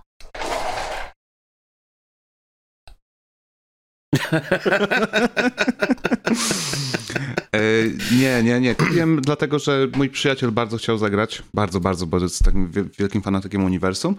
E, I zrobiliśmy taki mek, że kupiliśmy ją na pół po prostu. Więc chociaż tyle zrobiłem, że kupiłem ją na pół. E, ale gra mi się znudziła bardzo szybko. To nie jest za dobra gra. Okej. Okay. To jest taki asasyn, to jest Ubisoftowy open world, tylko z tą skórką taką Harry'ego Pottera. To jest taki słaby, taki... Boże, od którego Assassina się zaczęło to tak dobrze robić już w miarę. Chyba Odyssey był takim największym złotym strzałem. Znaczy ja bym powiedział, że czwórka była dobrym strzałem. Nie no, czwórka to to wiesz, to... Brotherhood był dobrym strzałem. Niektóre były. Assassin? Są... Tak. Po niektóre... Assassin to dla mnie trujeczka był, yy, był mega, mimo że wiele osób bardzo nie lubi trujeczki. Ogólnie jest nielubiany właśnie, nie? Jedyn, jedynka była yy, repetytywna, ale w sumie jak Jedynka była prototypem. Tak, to był prototyp, to jest najlepsze odstwierdzenie w ogóle na temat tak. tego. Tak. Dwójka z kolei to jest właściwie non-stop to samo. E, i nic tam... Nie, nie, wszystkie gry z Ezio to jest non-stop to samo. Wszystkie nie no, gry kurde, z Ezio. w której? To w dwójce się y, ten, waliłeś z papieżem na pięści? To chyba Brotherhood ten wątek Czy Brotherhood właśnie, chyba, chyba tak. No to to jest najlepsza gra, nie? No bo normalnie wyobraź sobie, nie, że Jan Paweł II by ci stanął przed tobą i po prostu okładasz go pięściami, nie? Jakby co może być lepszego. on takie dwie, Oj, wielkie, on takie dwie wielkie osób. kremówki i ty uderzasz i on w tym kremówki tak ustawia, że w tą kremówkę uderzasz, wiesz. Jej, już wszystkie ciężkie tematy tutaj się pojawiły, tak? Tak. Spokojnie, jeszcze wiesz, coś się znajdzie. Nie, tam było... Y... Nie pamiętam, jak miał tam ten, tam ten papież nazywał. Ale tak, fajnie, y, dużo historycznych postaci w dziwnym świetle ukazanych właśnie i to chyba naj, naj, największymi highlightami było dla mnie asasyna zawsze. W jakimś sensie dla mnie nowa Yakuza pasuje Assassina. do tego. Nowa A. Yakuza? No pasuje do tego, no bo jest też na podstawie jakiejś historii, nie? Więc masz tam postacie historyczne, które odgrywają postaci z Jakuzy. Przepraszam, z Like a Dragon. Udajemy że, okay. udajemy, że zawsze nas wiedzieliśmy i nazywaliśmy to po japońsku, nie? E, Riaga Gotoku. E, zawsze było Like a Dragon. Tak, tak, tak to jest y, historyczna opowieść? Okay. w XIX wieku i mhm. wszystkie postaci jakby takie kluczowe dla fabuły odgrywają ci postaci z Jakuzy. Tak, tak, tak. Czyli Kiryu staje się e, historycznym bohaterem, Ryoma, tak? czy jakimś tam... No. Czyli praktycznie rzecz biorąc sztuka teatralna. Dokładnie. Mhm. Bardzo fajny zabieg. Based on the true story. nie, inspirowane rzeczywistymi Fajnie. faktami. E, nie, no muszę zagrać koniecznie, bo no, jestem fanem. A powiedz serii, mi, więc... E, które Jakuzy najbardziej w twoim serduszku? Teraz to sprawdzimy w takim razie. Powiem tak. Na pewno najgorsza dla mnie Jakuza to była trójka.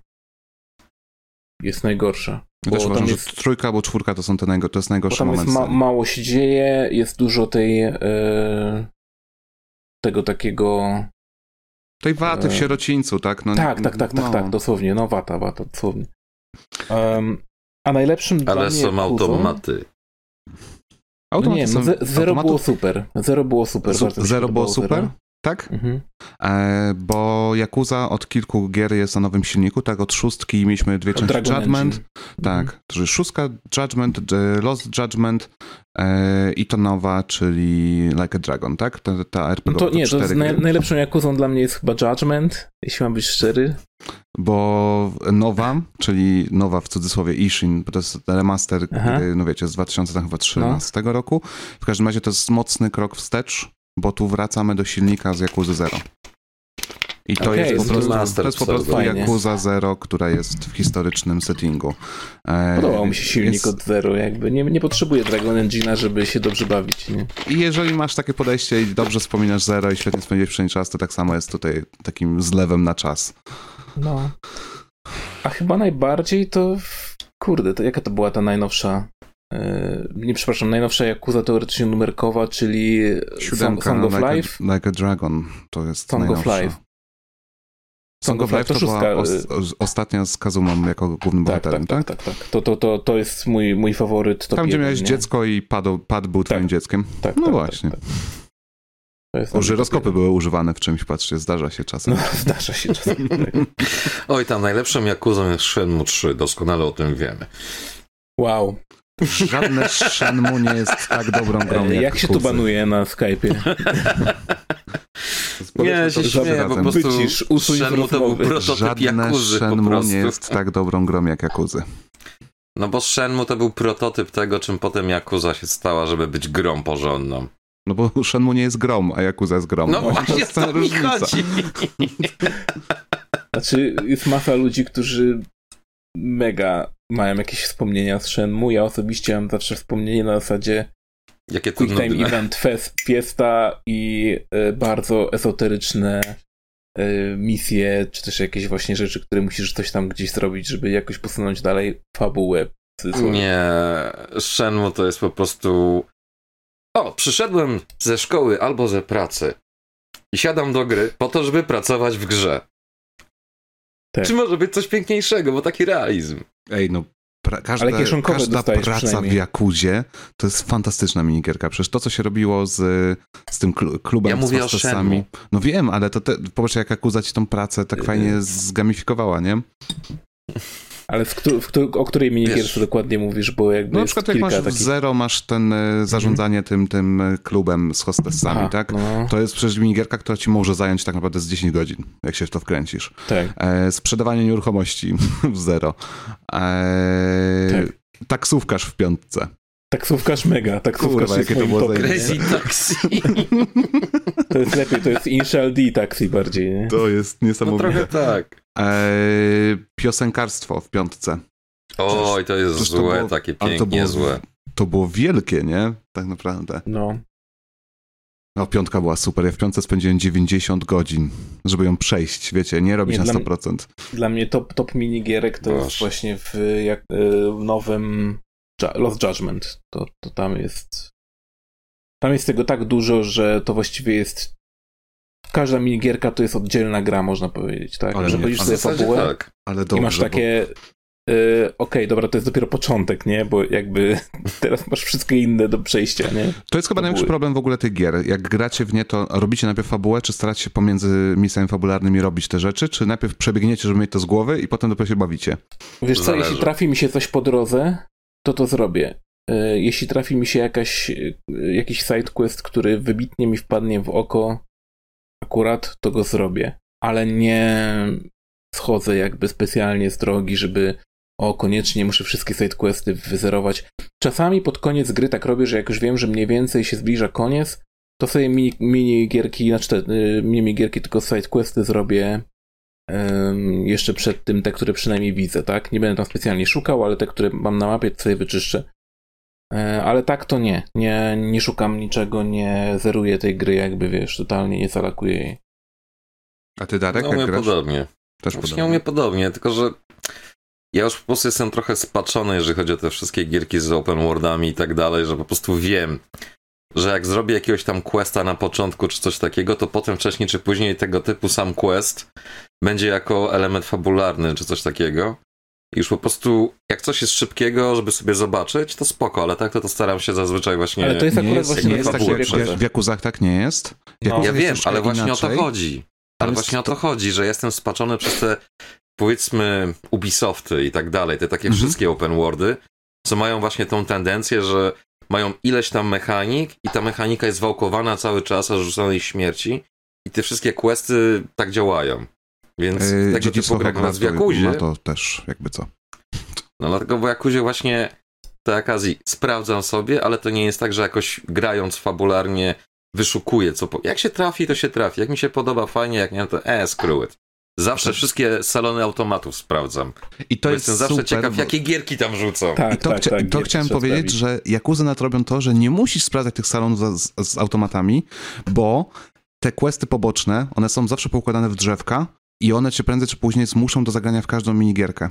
Tak. Czyli i tak w ramach questów pobocznych będziesz miał te wszystkie rzeczy, które tam są, wiecie. I Tak. to jest fantastyczne, nie? To jest najlepsze. A główny wątek jest tylko idziesz i bijesz, tak? Chińczyk chodzi i bije. No i po co więcej? Czy chodzi bije?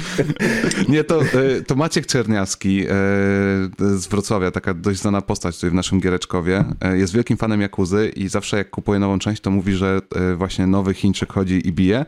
I jak kupił teraz to Ishin, to napisał, słuchajcie, bo wrzucił zdjęcie i oprogramowanie rozrywkowe, dwukropek, Chińczyk chodzi i bije, myślnik, dawno temu. Dawno temu de gra. Fantastyczne to jest po prostu. Spoko. Ale w zasadzie najlepsza recenzja Jakuzy wszechczasów. I gra na automatach. No.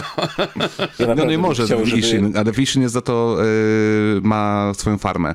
I masz ogródek i, i, i pielęgnujesz tam roślinki. Chciałbym, żeby tytuły u nas tłumaczyli, bo to by było mega. Co? Jakuza jako smok? Bycie smok? Nie no. Nie, nie, nie, wejście smoka by było u nas. Je- Byłoby- byłoby wejście smoka. Jakby smok... Albo niczym smok, albo wejście smoka byłoby. Wejście smoka na pewno by wyciągnęli jakby tylko mogli, tak żeby było jak najbardziej nawiązanie do filmów z Bruce'em Lee. Tak. Albo coś takiego po prostu, co się kojarzy, nie? Emblemat ognia. Emblemat ognia, zaangażowanie, nie? Eee... Co tam Patrz, jak patrzy na półkę. Patrzę, no. Patrzymy półce, nie? Ostatnia, finalna fantazja. Eee, nie, myślę nad Bravely Default. Odważnie domyślne. Podstawowo odważny. Odważnie. Domyślnie. No. To Yakuza też była. Super giereczka Yakuza. Polecam również Ishin. Takie wiecie, 8 na 10 oczywiście, e, ale to jest Yakuza. Z, dokładnie z takim samym serduszkiem, jak, jak, jak na razie przynajmniej się tak wydaje po trzech godzinach, że już zaczynam mięknąć, jak to gram. Już mam takie, o, już wiem, że jak mi teraz włączy, to my Już gramy masz na godzinki. No, już mam takie, zaraz pójdę na karaoke i tam jest Bakamitai w wersji XIX-wiecznej. Tak, słyszałem to. No, jest świetne. Na instrumentach, wiecie, folkowych. Tak, na, jest solówką na shakuhachi. No. No to czego potrzeba więcej w życiu, nie? Fun fact. e, Ten właśnie flet, na którym jest solówka, nazywa się shakuhachi, co dosłownie też w e, japońskim jest slangiem na robienie loda. Now you know. The more you know. Po prostu ten segment musimy zrobić teraz. tak. Nie, Did You Know Gaming? Kolejna skrzynka. Nie. O jest. Napisałeś y, Darku w naszym y, pseudodokumencie o emulacji PS1 na PS4, PS5 Legend of Dragoon.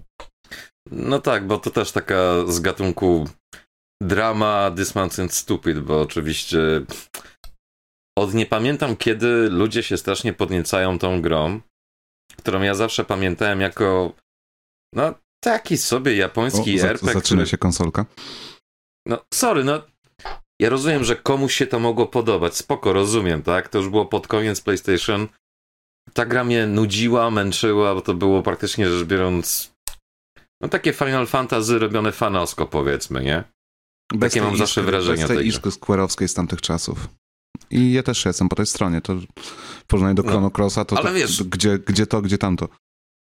Strasznie dużo osób po prostu ma jakieś, nie wiem, dziwne uczucia, takie romantyczne wręcz do tej gry. Okej, okay, zdarza się, no też mam parę gierek, które po prostu darzę sympatią dużą i tak dalej, chociaż to nie są jakieś wyjątkowe rzeczy. No i w końcu po latach i tak dalej, tam wiesz, Sony się złamało i wrzuciło to w ramach tej usługi i wyjątkowo możesz też grę też kupić za chyba cztery dychy czy jakoś tak. I oczywiście okazało się jak zwykle, że a mój Boże, zajebiście, ale chujowo, bo, bo, bo gra nie działa. I tam, że podobno jak robisz transformację w smoka, to się gra zawiesza i nie możesz tego używać, tylko możesz przewijać tylko i wyłącznie grę, żeby tam mieć po prostu opcję, żeby grać dalej, jakieś tam inne błędy graficzne, cuda nie widy, że jakaś pamięć wycieka w ogóle i tym podobne. Jest z tego związana taka drama i tak, ee, i tak no. Sony nie umie w emulację, to po pierwsze, czy jak zwykle, po drugie naprawdę nie ma lepszych gier na PlayStation 1, które moglibyście dać w tej ramach pseudo-wstecznej kompatybilności. Serio?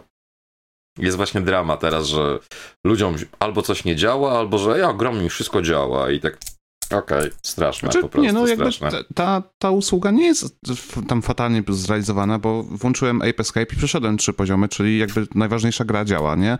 A... Czyli tyle, co większość testerów pewnie. Nie, ale Ape, e, mi chodziło o to, żeby powiedzieć, że Ape Escape jest lepszy od, od, od tego RPGa, e, ale wszystko jest lepsze od Legend of Dragon, kurde no. No nie wszystko. Gundam... Z tego, co jest dostępne w Gundam usłudze, nie jest to lepszy, praktycznie wszystko. Się. No nie wiem. Gundam działa. Jak go se złożysz. Ale o to chodzi właśnie.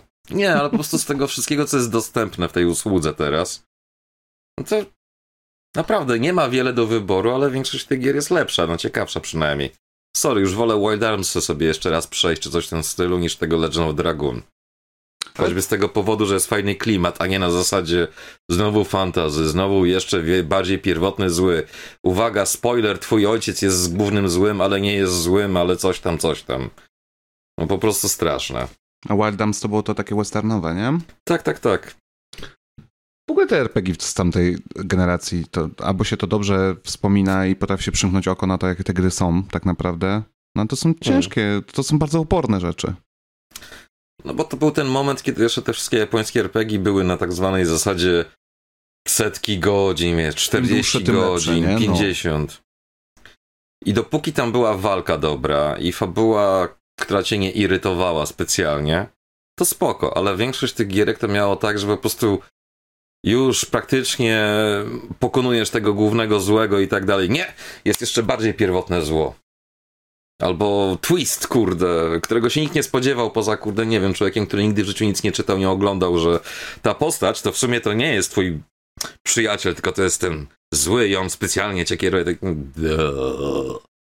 Więc dopóki nie było jeszcze jakiegoś gównianego tłumaczenia, że pewnych zagadek się nie dało skończyć, spoko. Ale głównie się rozbijało to, czy walka była fajna i czy nie męczy cię to na dłuższą metę. Tak, te niektóre SNESowe JRPG, że krok, walka, krok, walka, krok, walka. I potem 40 godzin na liczniku, bo kurde z punktu A do punktu B pół godziny szedłeś, jak dobrze no, poszło. Więc tak, dzisiaj a potem granie, musisz wrócić. Granie dzisiaj się Dokładnie.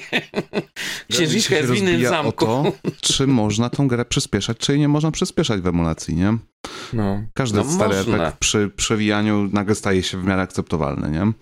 Tak. Ja nie wyobrażam sobie teraz w Golden Sun nagrać e, bez przewijania. W Pokémony. Bez przewijania.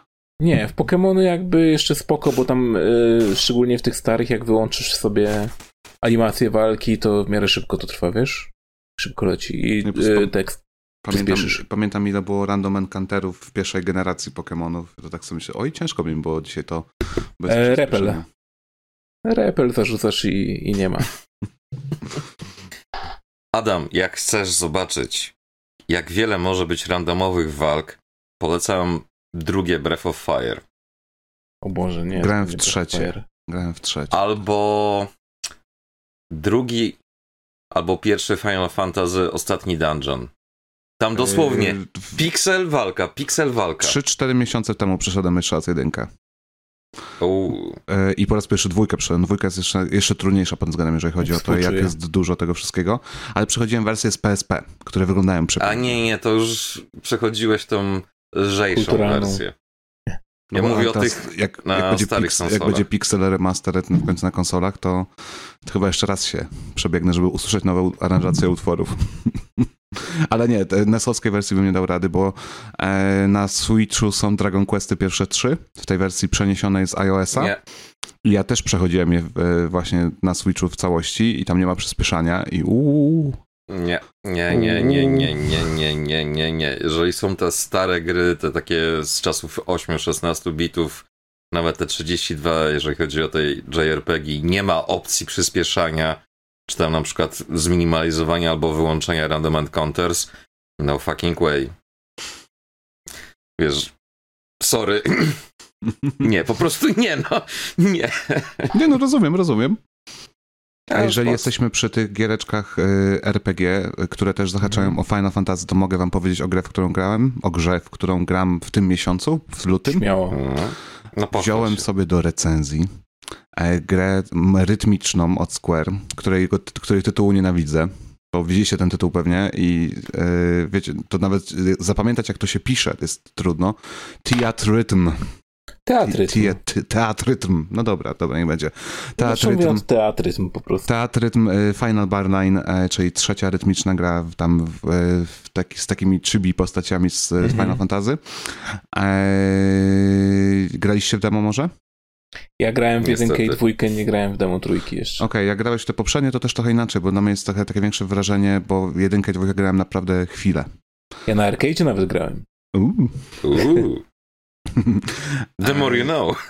Tymczasem ta nowa część 350 utworów. Ale Z... podstawowych czy z DLC łącznie? Podstawowych DLC to są inne gry niż Final Fantasy, czyli tam są e, Xenogears, No tak, bo tam Nier Automata i, tak i te dalej. inne takie. Tak. Tutaj macie ze wszystkich finali numerowanych, z każdych kontynuacji praktycznie. Są jakieś pominięte rzeczy, czyli pominięta jest e, Revenant Wings albo jakieś e, Tactics Advance, ale mhm.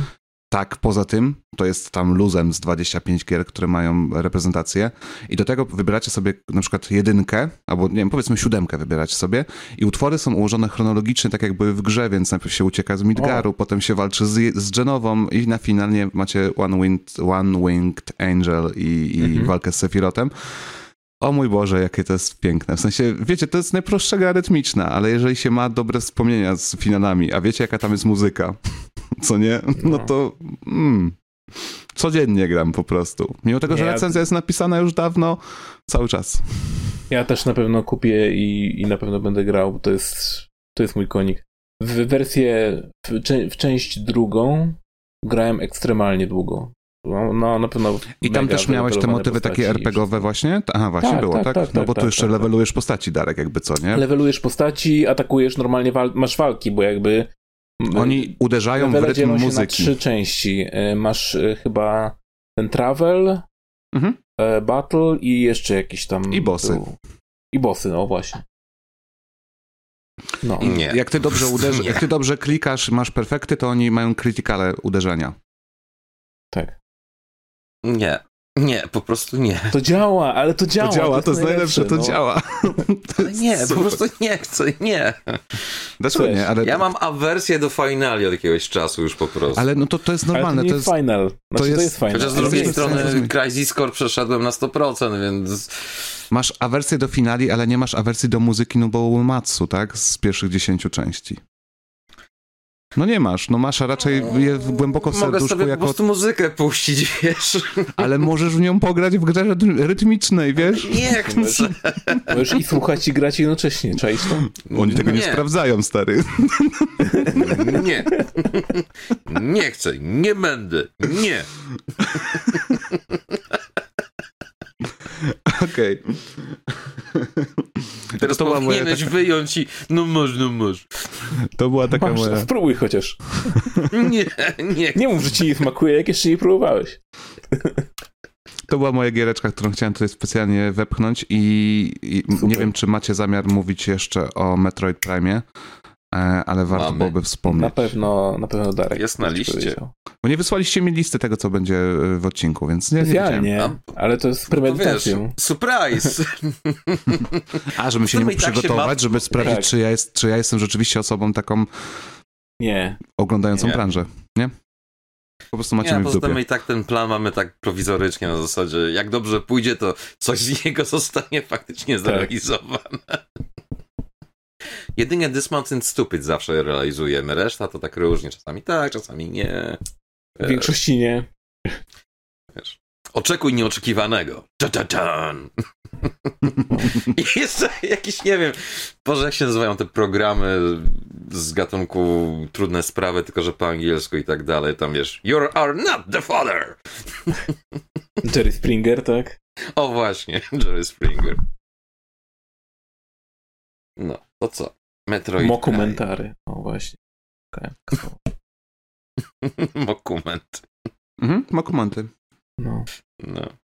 Nie no, Metroid Prime to właśnie tutaj dla odmiany ja sobie wziąłem do recenzji na zasadzie o. zaraz po tym tym Nintendo Direct, tak kurwa dawaj.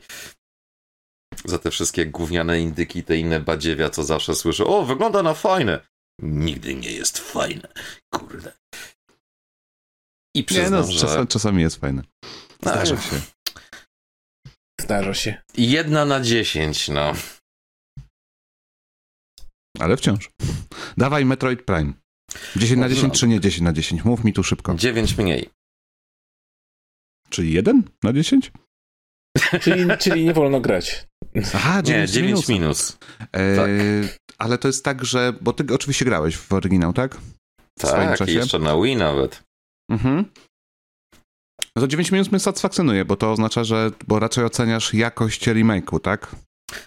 Bardziej jakość remake'u plus to, jak ta gra się bardzo dobrze zestarzała na zasadzie takiej, że wystarczyło dosłownie dodać nowe sterowanie, które będzie bardziej wygodne dla większości ludzi. Mhm. No bo nie oszukujmy się, sterowanie na GameCube to tak, nie, no... Niby jest ta druga gałka, ale nie używasz tej drugiej gałki, więc czasami było takie trochę klanki. Mhm. A jeżeli chodzi o kwestię grafiki per se, no to ten stary GameCube'owy Metroid, nawet na emulatorze jak odpalisz, dalej wygląda dobrze. Więc nie musieli tego przerabiać aż tak bardzo, ale przerobili.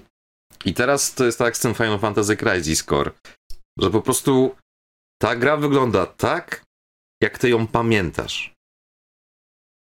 I to jest po prostu piękne. Poza tym cała ta mechanika, nic nie zostało zmienione, nic nie zostało jakoś idiotycznie dodane, tak jak te wszystkie rezydenty i tym podobne, że a, trochę zmienimy. Nie, wszystko jest dokładnie tak, jak było. Jedyne, co faktycznie zmienili, to usunęli ileś tam bugów różnych, żeby tam speedruny i tak dalej ukrócić na początku, ale wiadomo, że za chwilę będą jeszcze inne speedruny, bo te niektóre triki z wersji GameCube'a i z Wii, no już nie działają, tak? Bo tam poprawili trochę geometrię tu i tak dalej. Mhm. Ale cała gra jest dokładnie taka sama, jak była. Najpiękniejsze jest to, że ona się naprawdę nic nie zestarzała. Mhm. Dalej masz z tego frajdę, jeszcze biorąc pod uwagę, ile czasu minęło od tego, jak ostatni raz w to grałem, bo odpalanie na emulatorze, ją, dobra, działa, kiedyś zagram, nie? Pięć lat później, o, remaster wyszedł. I teraz grasz tak, kurde. Patrz, ale jeszcze nazwali to tak hamsko remaster, tak powiedzieli, macie tu remaster, wypuszczamy wam takiego shadow dropa robimy, a się okazuje, że to jest jedna z tych gier Nintendo w tym roku, nie? To, tak. Prostu, śmieszne jest to. I najlepsze jest to, że to się nazywa remaster i w tym momencie tak właśnie powinny wyglądać remastery, kurde. A nie na zasadzie, że no, damy podbitą rozdzielczość i nic nie zmienimy. Tam może parę tekstur AI podciągniemy, to jak ten, te są symfonie, ale to później najwyżej. Kurde, no, tutaj widać, że remaster ma jakieś sensowne określenie w tej tytule. A nie na zasadzie remaster i, no kurwa, wygląda dokładnie tak samo, tylko że po prostu działa na obecnym sprzęcie. Powinnoś to nazwać portem, nie? No ale jak, co, na, co wydasz grę i ją Ja nazywam tego port? typu gry re-release.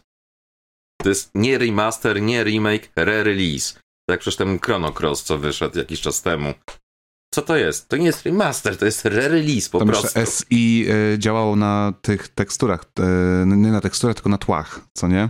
Tak, tak, tak. No, ale... Przepuścili to przez sztuczną inteligencję. Tak. Albo przez filtr w Photoshopie. Nie, właśnie niestety to trochę słabo zadziałało, ale... Ale ten port jest, teraz będzie paczowany, w sensie no, doczekaliśmy Aha. się, nie? To była tak, informacja, tak, tak, że oni że spróbują naprawić tego Chrono Crossa.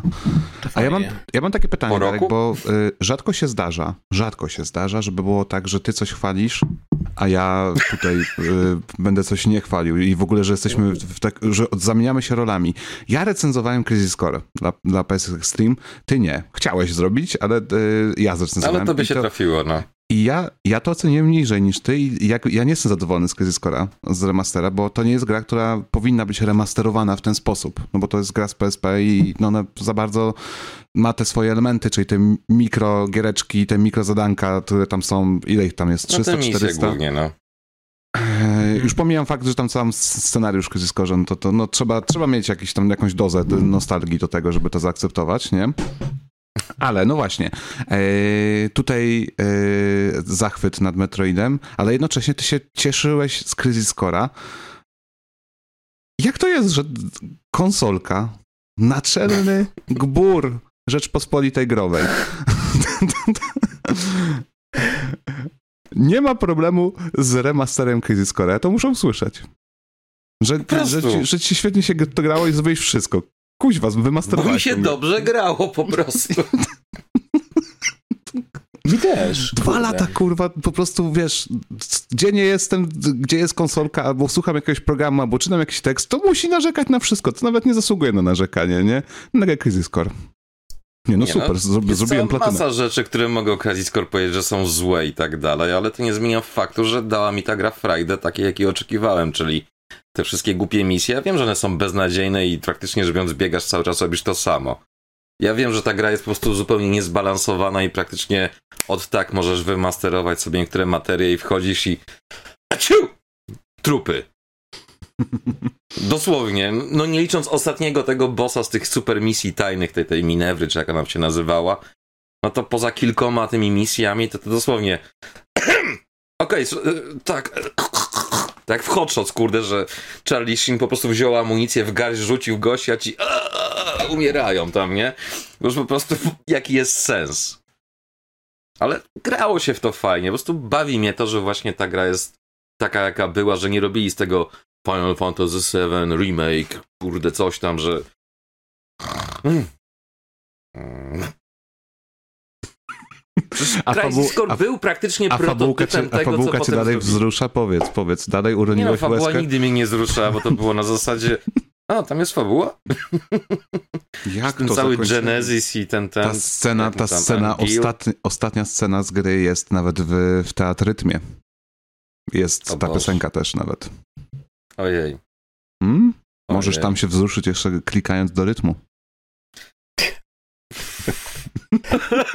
tak, o nie, nie trafiłem, bo łzami akurat pociekła i No bo starasz się tak płakać, żeby łzy rytmicznie spadały. Napada.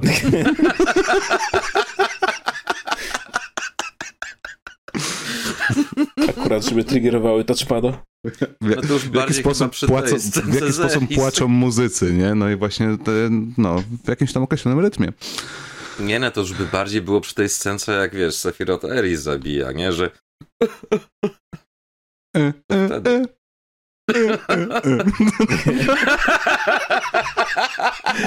okay.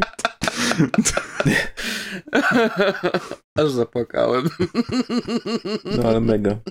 To, to, to, jest, to jest akurat trochę śmieszne w teatryzm, bo właśnie tam często są te takie y, wzruszające momenty jakby z finali są pokazane przez te postaci takie chibi i to jest takie to komiczne naprawdę. A ty masz w teamie y, chibi Garlanda, chibi Sefirota, tak. Yuffie i nie wiem co tam jeszcze sobie, już Tifa, nie?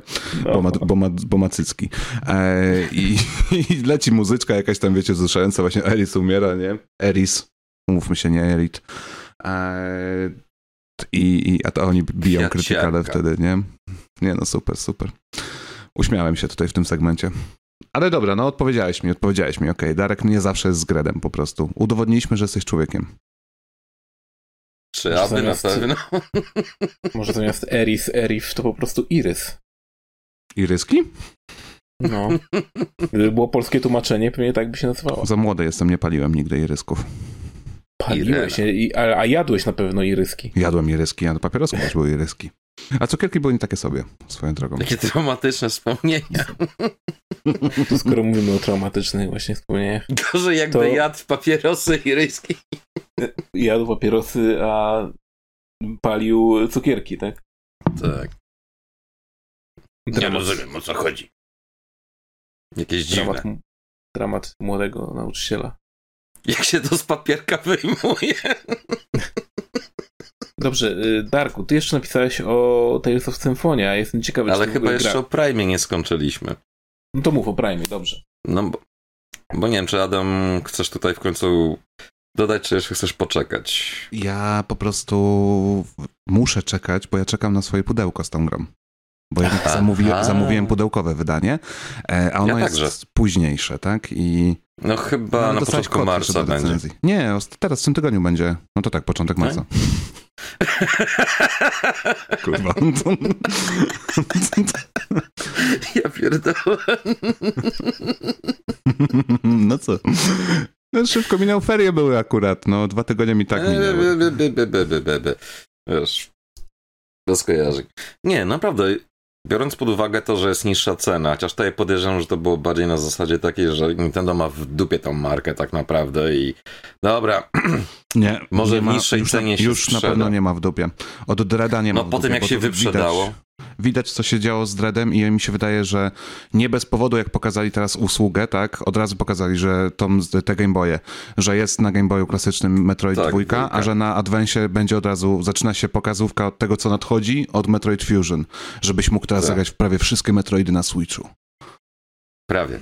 Właśnie pytanie, czy zrobią to, czy nie zrobią tego, tak? Czy, czy, będzie, czy będzie taka dwójka i trójka? Znaczy, Powrót Właśnie o to chodzi, że tam gadają, że niby ci, wiesz, insiderzy, co mają tajne informacje, jada, jada, jada. To, że te dwa kolejne Metroidy Prime będą po prostu tylko takim portem, portem, z dodanym sterowaniem i tak dalej. We shall see. Bo to też różnie bywa. Ja obstawiam, a, że a to może być, być, a może nie. Może być tak, że teraz po przyjęciu tej gry oni po prostu będzie takie, że nawet jeżeli mają gotowe porty, to będzie ej, może wróćmy do tego, zróbmy takiej jakości e, remaster i w ten sposób no co rok albo co pół roku będziemy mieli grę, która będzie oceniona na 10, nie? Podobno ten Metroid Prime to przez roku leżał w szufladzie, zanim go ponad teraz rok, wypuścili. Ponad rok. No podobno. Nie wiem na ile prawda, bo to wiadomo, że może nawet tak, może nie. Cholera wie. Kupa kickers po prostu. I sorry. cały czas to, co ja powtarzam od lat. Retro Studios od Wii U nie wydało żadnej gry. Wiadomo, nie. oni pracują e, nad Metroid Prime. robili. No, od, na Wii U ostatniego. A no tak, faktycznie, zapomniałem, że to był re-release z Wii. Oni od 2017 roku jedyne co wydali, to, to był e, ten remasterek, ten port właśnie Tropical Freeze i teraz ten Metroid Prime.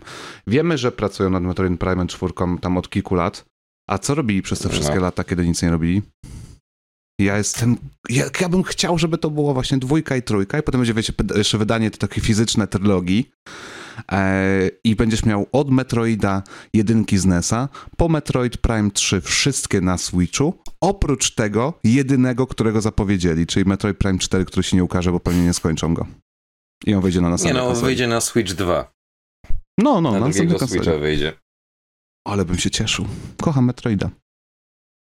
No, nie powiedziałbym, że bym kochał, ale strasznie lubię po prostu gry, które nie prowadzą cię za rączkę.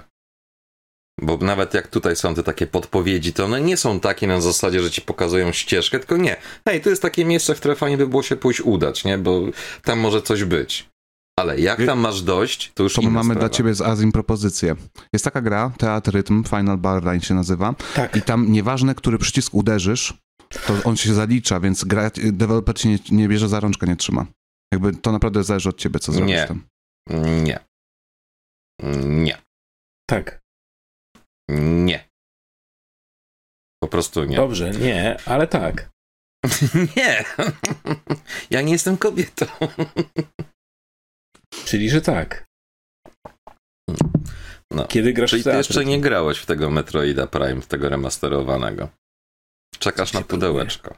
Ja czekam na pudełeczko, ale wiem, że jak je dostanę, tylko się boję o Like a Dragon, nie? Że jak będę miał jednocześnie Like a Dragon, Teatr Rytm i Metroida, to może zachoruję i L4 jakieś wleci? Wiesz, no Metroida to jesteś w stanie w weekend skończyć bez problemu. Nie, ja nie lubię tak grać. Ja lubię grać... Ale nie, ja mówię na luzie. Ale jak mi się gra naprawdę podoba, to ja gram dwie godziny dziennie. To jest mój maks. Bo ja kocham, żeby ta gra się ciągnęła mi na przykład chociaż tydzień. No nie wiem. Jak ja ja, mam ja nie jestem dobrym recenzentem swoją drogą przez to. Ten God of War Ragnarok, jak musiałem pograć 30 godzin w tydzień, to jejuś, jakby mi ktoś za karę to robił, nie? Ja nie, jak, jak jest gra, która mnie wciągnie, to ja mogę grać cały dzień, nie? Mogę 24 godziny siedzieć i grać non stop. No bo ty nie No ja czytasz właśnie tak Sienkiewicza teraz. Bo nie czytam i mam nadzieję, że nie będę musiał już czytać nigdy w życiu. Nie, to tego też ci życzę, ale ja teraz czytam właśnie i codziennie muszę jeszcze dużo czasu poświęcać na to. Audiobook. Nie, ale do podcastu szykuję to. Audiobook Krzyża Syba z Boosted. Wiecie jak, pod, wiecie, jak podcasty, które mają w tytułach jakieś lektury szkolne się klikają? My Nie. możemy nagrywać bez dyskusji nie wiadomo jakie rzeczy, wiecie, robimy The Last of Us odcinek po odcinku, a koniec końców zbliża się matura i tak mój, mój podcast o balladach i romansach jest y, na topie naszego serwera nagle. Kurczę, no to w takim razie może my też nazwiemy to jakoś, y, żeby się kojarzyło z y, tym siłaczka. Na przykład, nie, bo nie mamy żadnej Nie, coś ze spisu lektur właśnie trudnego. Nazwijcie ten odcinek po prostu Bolesław Prucu Lalka, streszczenie i opracowanie. A w nawiasie oraz podcast Pograduszki, odcinek 50 któryś. I tu musicie mieć koniecznie w opisie Matura 2023. W sumie najbardziej się pewnie klikają Spoko, takie będzie rzeczy. taki opis. W sumie najbardziej się pewnie klikają takie rzeczy, które właśnie są najbardziej upierdliwe w czytaniu tego, czyli właśnie lalka pewnie. Tak, tak, to czego nie masz siły nawet przeczytać, nie? Tak, Lalka, potop. potop, yy, No. syzyfowe prace, Quo Tak. Jezu, kłowadis. Ugh. Nie, nie ten podcast, ale możemy kiedyś pogadać o, o, o lekturach szkolnych w takim razie. To ja cię zaproszę do swojego podcastu kiedyś. Dobrze, dobrze, możemy pogadać, bo, bo już tutaj okwadizm się odpalił w takim razie, ale tak. Nie była najgorsza, ale to Nie, zostawimy, właśnie na, wiem, że- zostawimy to na inną rozmowę. Dobrze. E, Jak czekasz na tego Metroida już, w sumie, kiedy to się pojawi, to pewnie już będziesz miał. To nie będziesz zawiedziony, naprawdę się postarali, nic nie zepsuli, tylko dodali dwie rzeczy, które po prostu z racji czasów musiały mieć miejsce, czyli sterowanie na dwa analogi, że teraz się gra w to normalnie, tak jak człowiek jest przyzwyczajony. Jak jesteś purystą, możesz sobie podłączyć tego pada od GameCube'a, co był do Możesz. Switcha tam w przypadku tego, tego Smash Broser wydany. I działa. Nie jestem Nie purystą aż polecam, takim. ale działa. Lubię y, pada od GameCube'a, ale to nie jest tak, że muszę koniecznie im grać. Znaczy, Skoro mam na Steam tego, Decku że- emulator. Tak, ale jest bardziej kwestia tego, że po prostu ten pad od GameCube'a jest zajebisty, jeżeli chodzi o to, jak leży w rękach i tak dalej. jest Ten, świetny, przycisk, jest ten A, to A. Tak, i- jest specjalnie i, i ten, większy. I ten Specjalnie trigger, większy, bo i ten wiesz, że tego trigger tamten, napierdalasz, co jest. napierdalasz A. Dokładnie! To była najlepsza decyzja w tym padzie. Po prostu wiesz, że to jest ten przycisk, który będziesz zawsze wciskał. Który będziesz napierdalał. Dokładnie. Ale właśnie, jak jesteś tym purystą, to możesz grać tak jak na GameCube. Jedyny minus tak naprawdę, jeżeli chodzi o kwestię sterowania, to że te żyroskopy, co tutaj zrobili tak ala Wii U i tak dalej, no to tak Jak większość tych gier po prostu musisz resetować, bo się czasami wiesza i ci lata jak idiotka po ekranie, no ale spoko, no. Jak A bardzo chcesz, możesz żyroskop. te żyro, nie? Nie, nie, to jest dodatkowe sterowanie, które możesz no mieć po no. prostu. No. Tak. Ale granie tak jak normalnie teraz na dual analogu po prostu rewelacja. Nie wyobrażam sobie wrócić po prostu kiedykolwiek do starego sterowania w Metroid Prime. No. Super się cieszę na to. Czekam na swój paczkomacik. No, ja także. Co jest trochę ciekawe, bo mam, ale i tak kupiłem, więc what the fuck, nie? Nie, dobrze zrobiłeś, no bo pokazałeś, że ci zależy na tym. To jest super. Mi się, no, ja lubię coś takiego... portfelem. Ja kupiłem, tak. te, ja kupiłem teatrytm, mimo tego, że mam kodzik. Kurde, straszne. Naprawdę. Możesz Azjemu pożyczyć. Pożyczę ci Azji, chcesz? Z wielką chęcią. Ja tak, pogram. Gdzie ty Azji mieszkasz w ogóle? Tu jesteście z Warszawy obaj? Tak. Mhm. No, technicznie tak, w praktyce to zależy, jak znaczy, bierzesz no, pod uwagę w Warszawie. Granice, no. Ja z Warszawy nie jestem, ale to jakby to już detale, tak? Znaczy, mieszkamy w technicznie Warszawie. To, gdzie faktycznie mieszkamy w tak zwanej mapie, jak patrzeć, to tak nie do końca ja, ja tego nigdy nie zrozumiem właśnie w warszawiakach, nie? No, we Wrocławiu albo się mieszka we Wrocławiu, albo w którejś wiosce, która jest tak naprawdę wioską i sypialnią Wrocławia i nie mówi się wtedy mieszkam we Wrocławiu, tylko mieszkam w tej wiosce pod Wrocławiem. No tak, a w Warszawie to się mówi, nie wiem, mieszkam na Mokotowie, na Grochowie, na ten... Bo dzielnice są po prostu tak wielkie, że równie dobrze mogłyby być oddzielnymi miastami i dystanse między nimi też są absurdalne momentami. Na przykład do, do Consolite, żeby dojechać, to mam jakieś 20 kilka kilometrów chyba od siebie. No, Więc komunikacją tak. miejską to jest godzinka mniej więcej. Plus minus. Ale tam no. w ciągu najbliższych 20 lat mają zamiar wam zrobić jeszcze kilka linii metra, więc jest na co czekać. To będzie no. 40 minut. No dobrze, w każdym razie yy, dziękujemy bardzo za to, że byliście z nami. Yy, to był 38 odcinek podcastu. Był ze mną Konsolajte, był ze mną Adam i byłem z wami ja, czyli Azji. Cześć, trzymajcie się. Do zobaczenia. I nie kupujcie Tales of Symphonia Remaster przypadkiem. A. A kupcie Metroida albo ten, Teatrytm.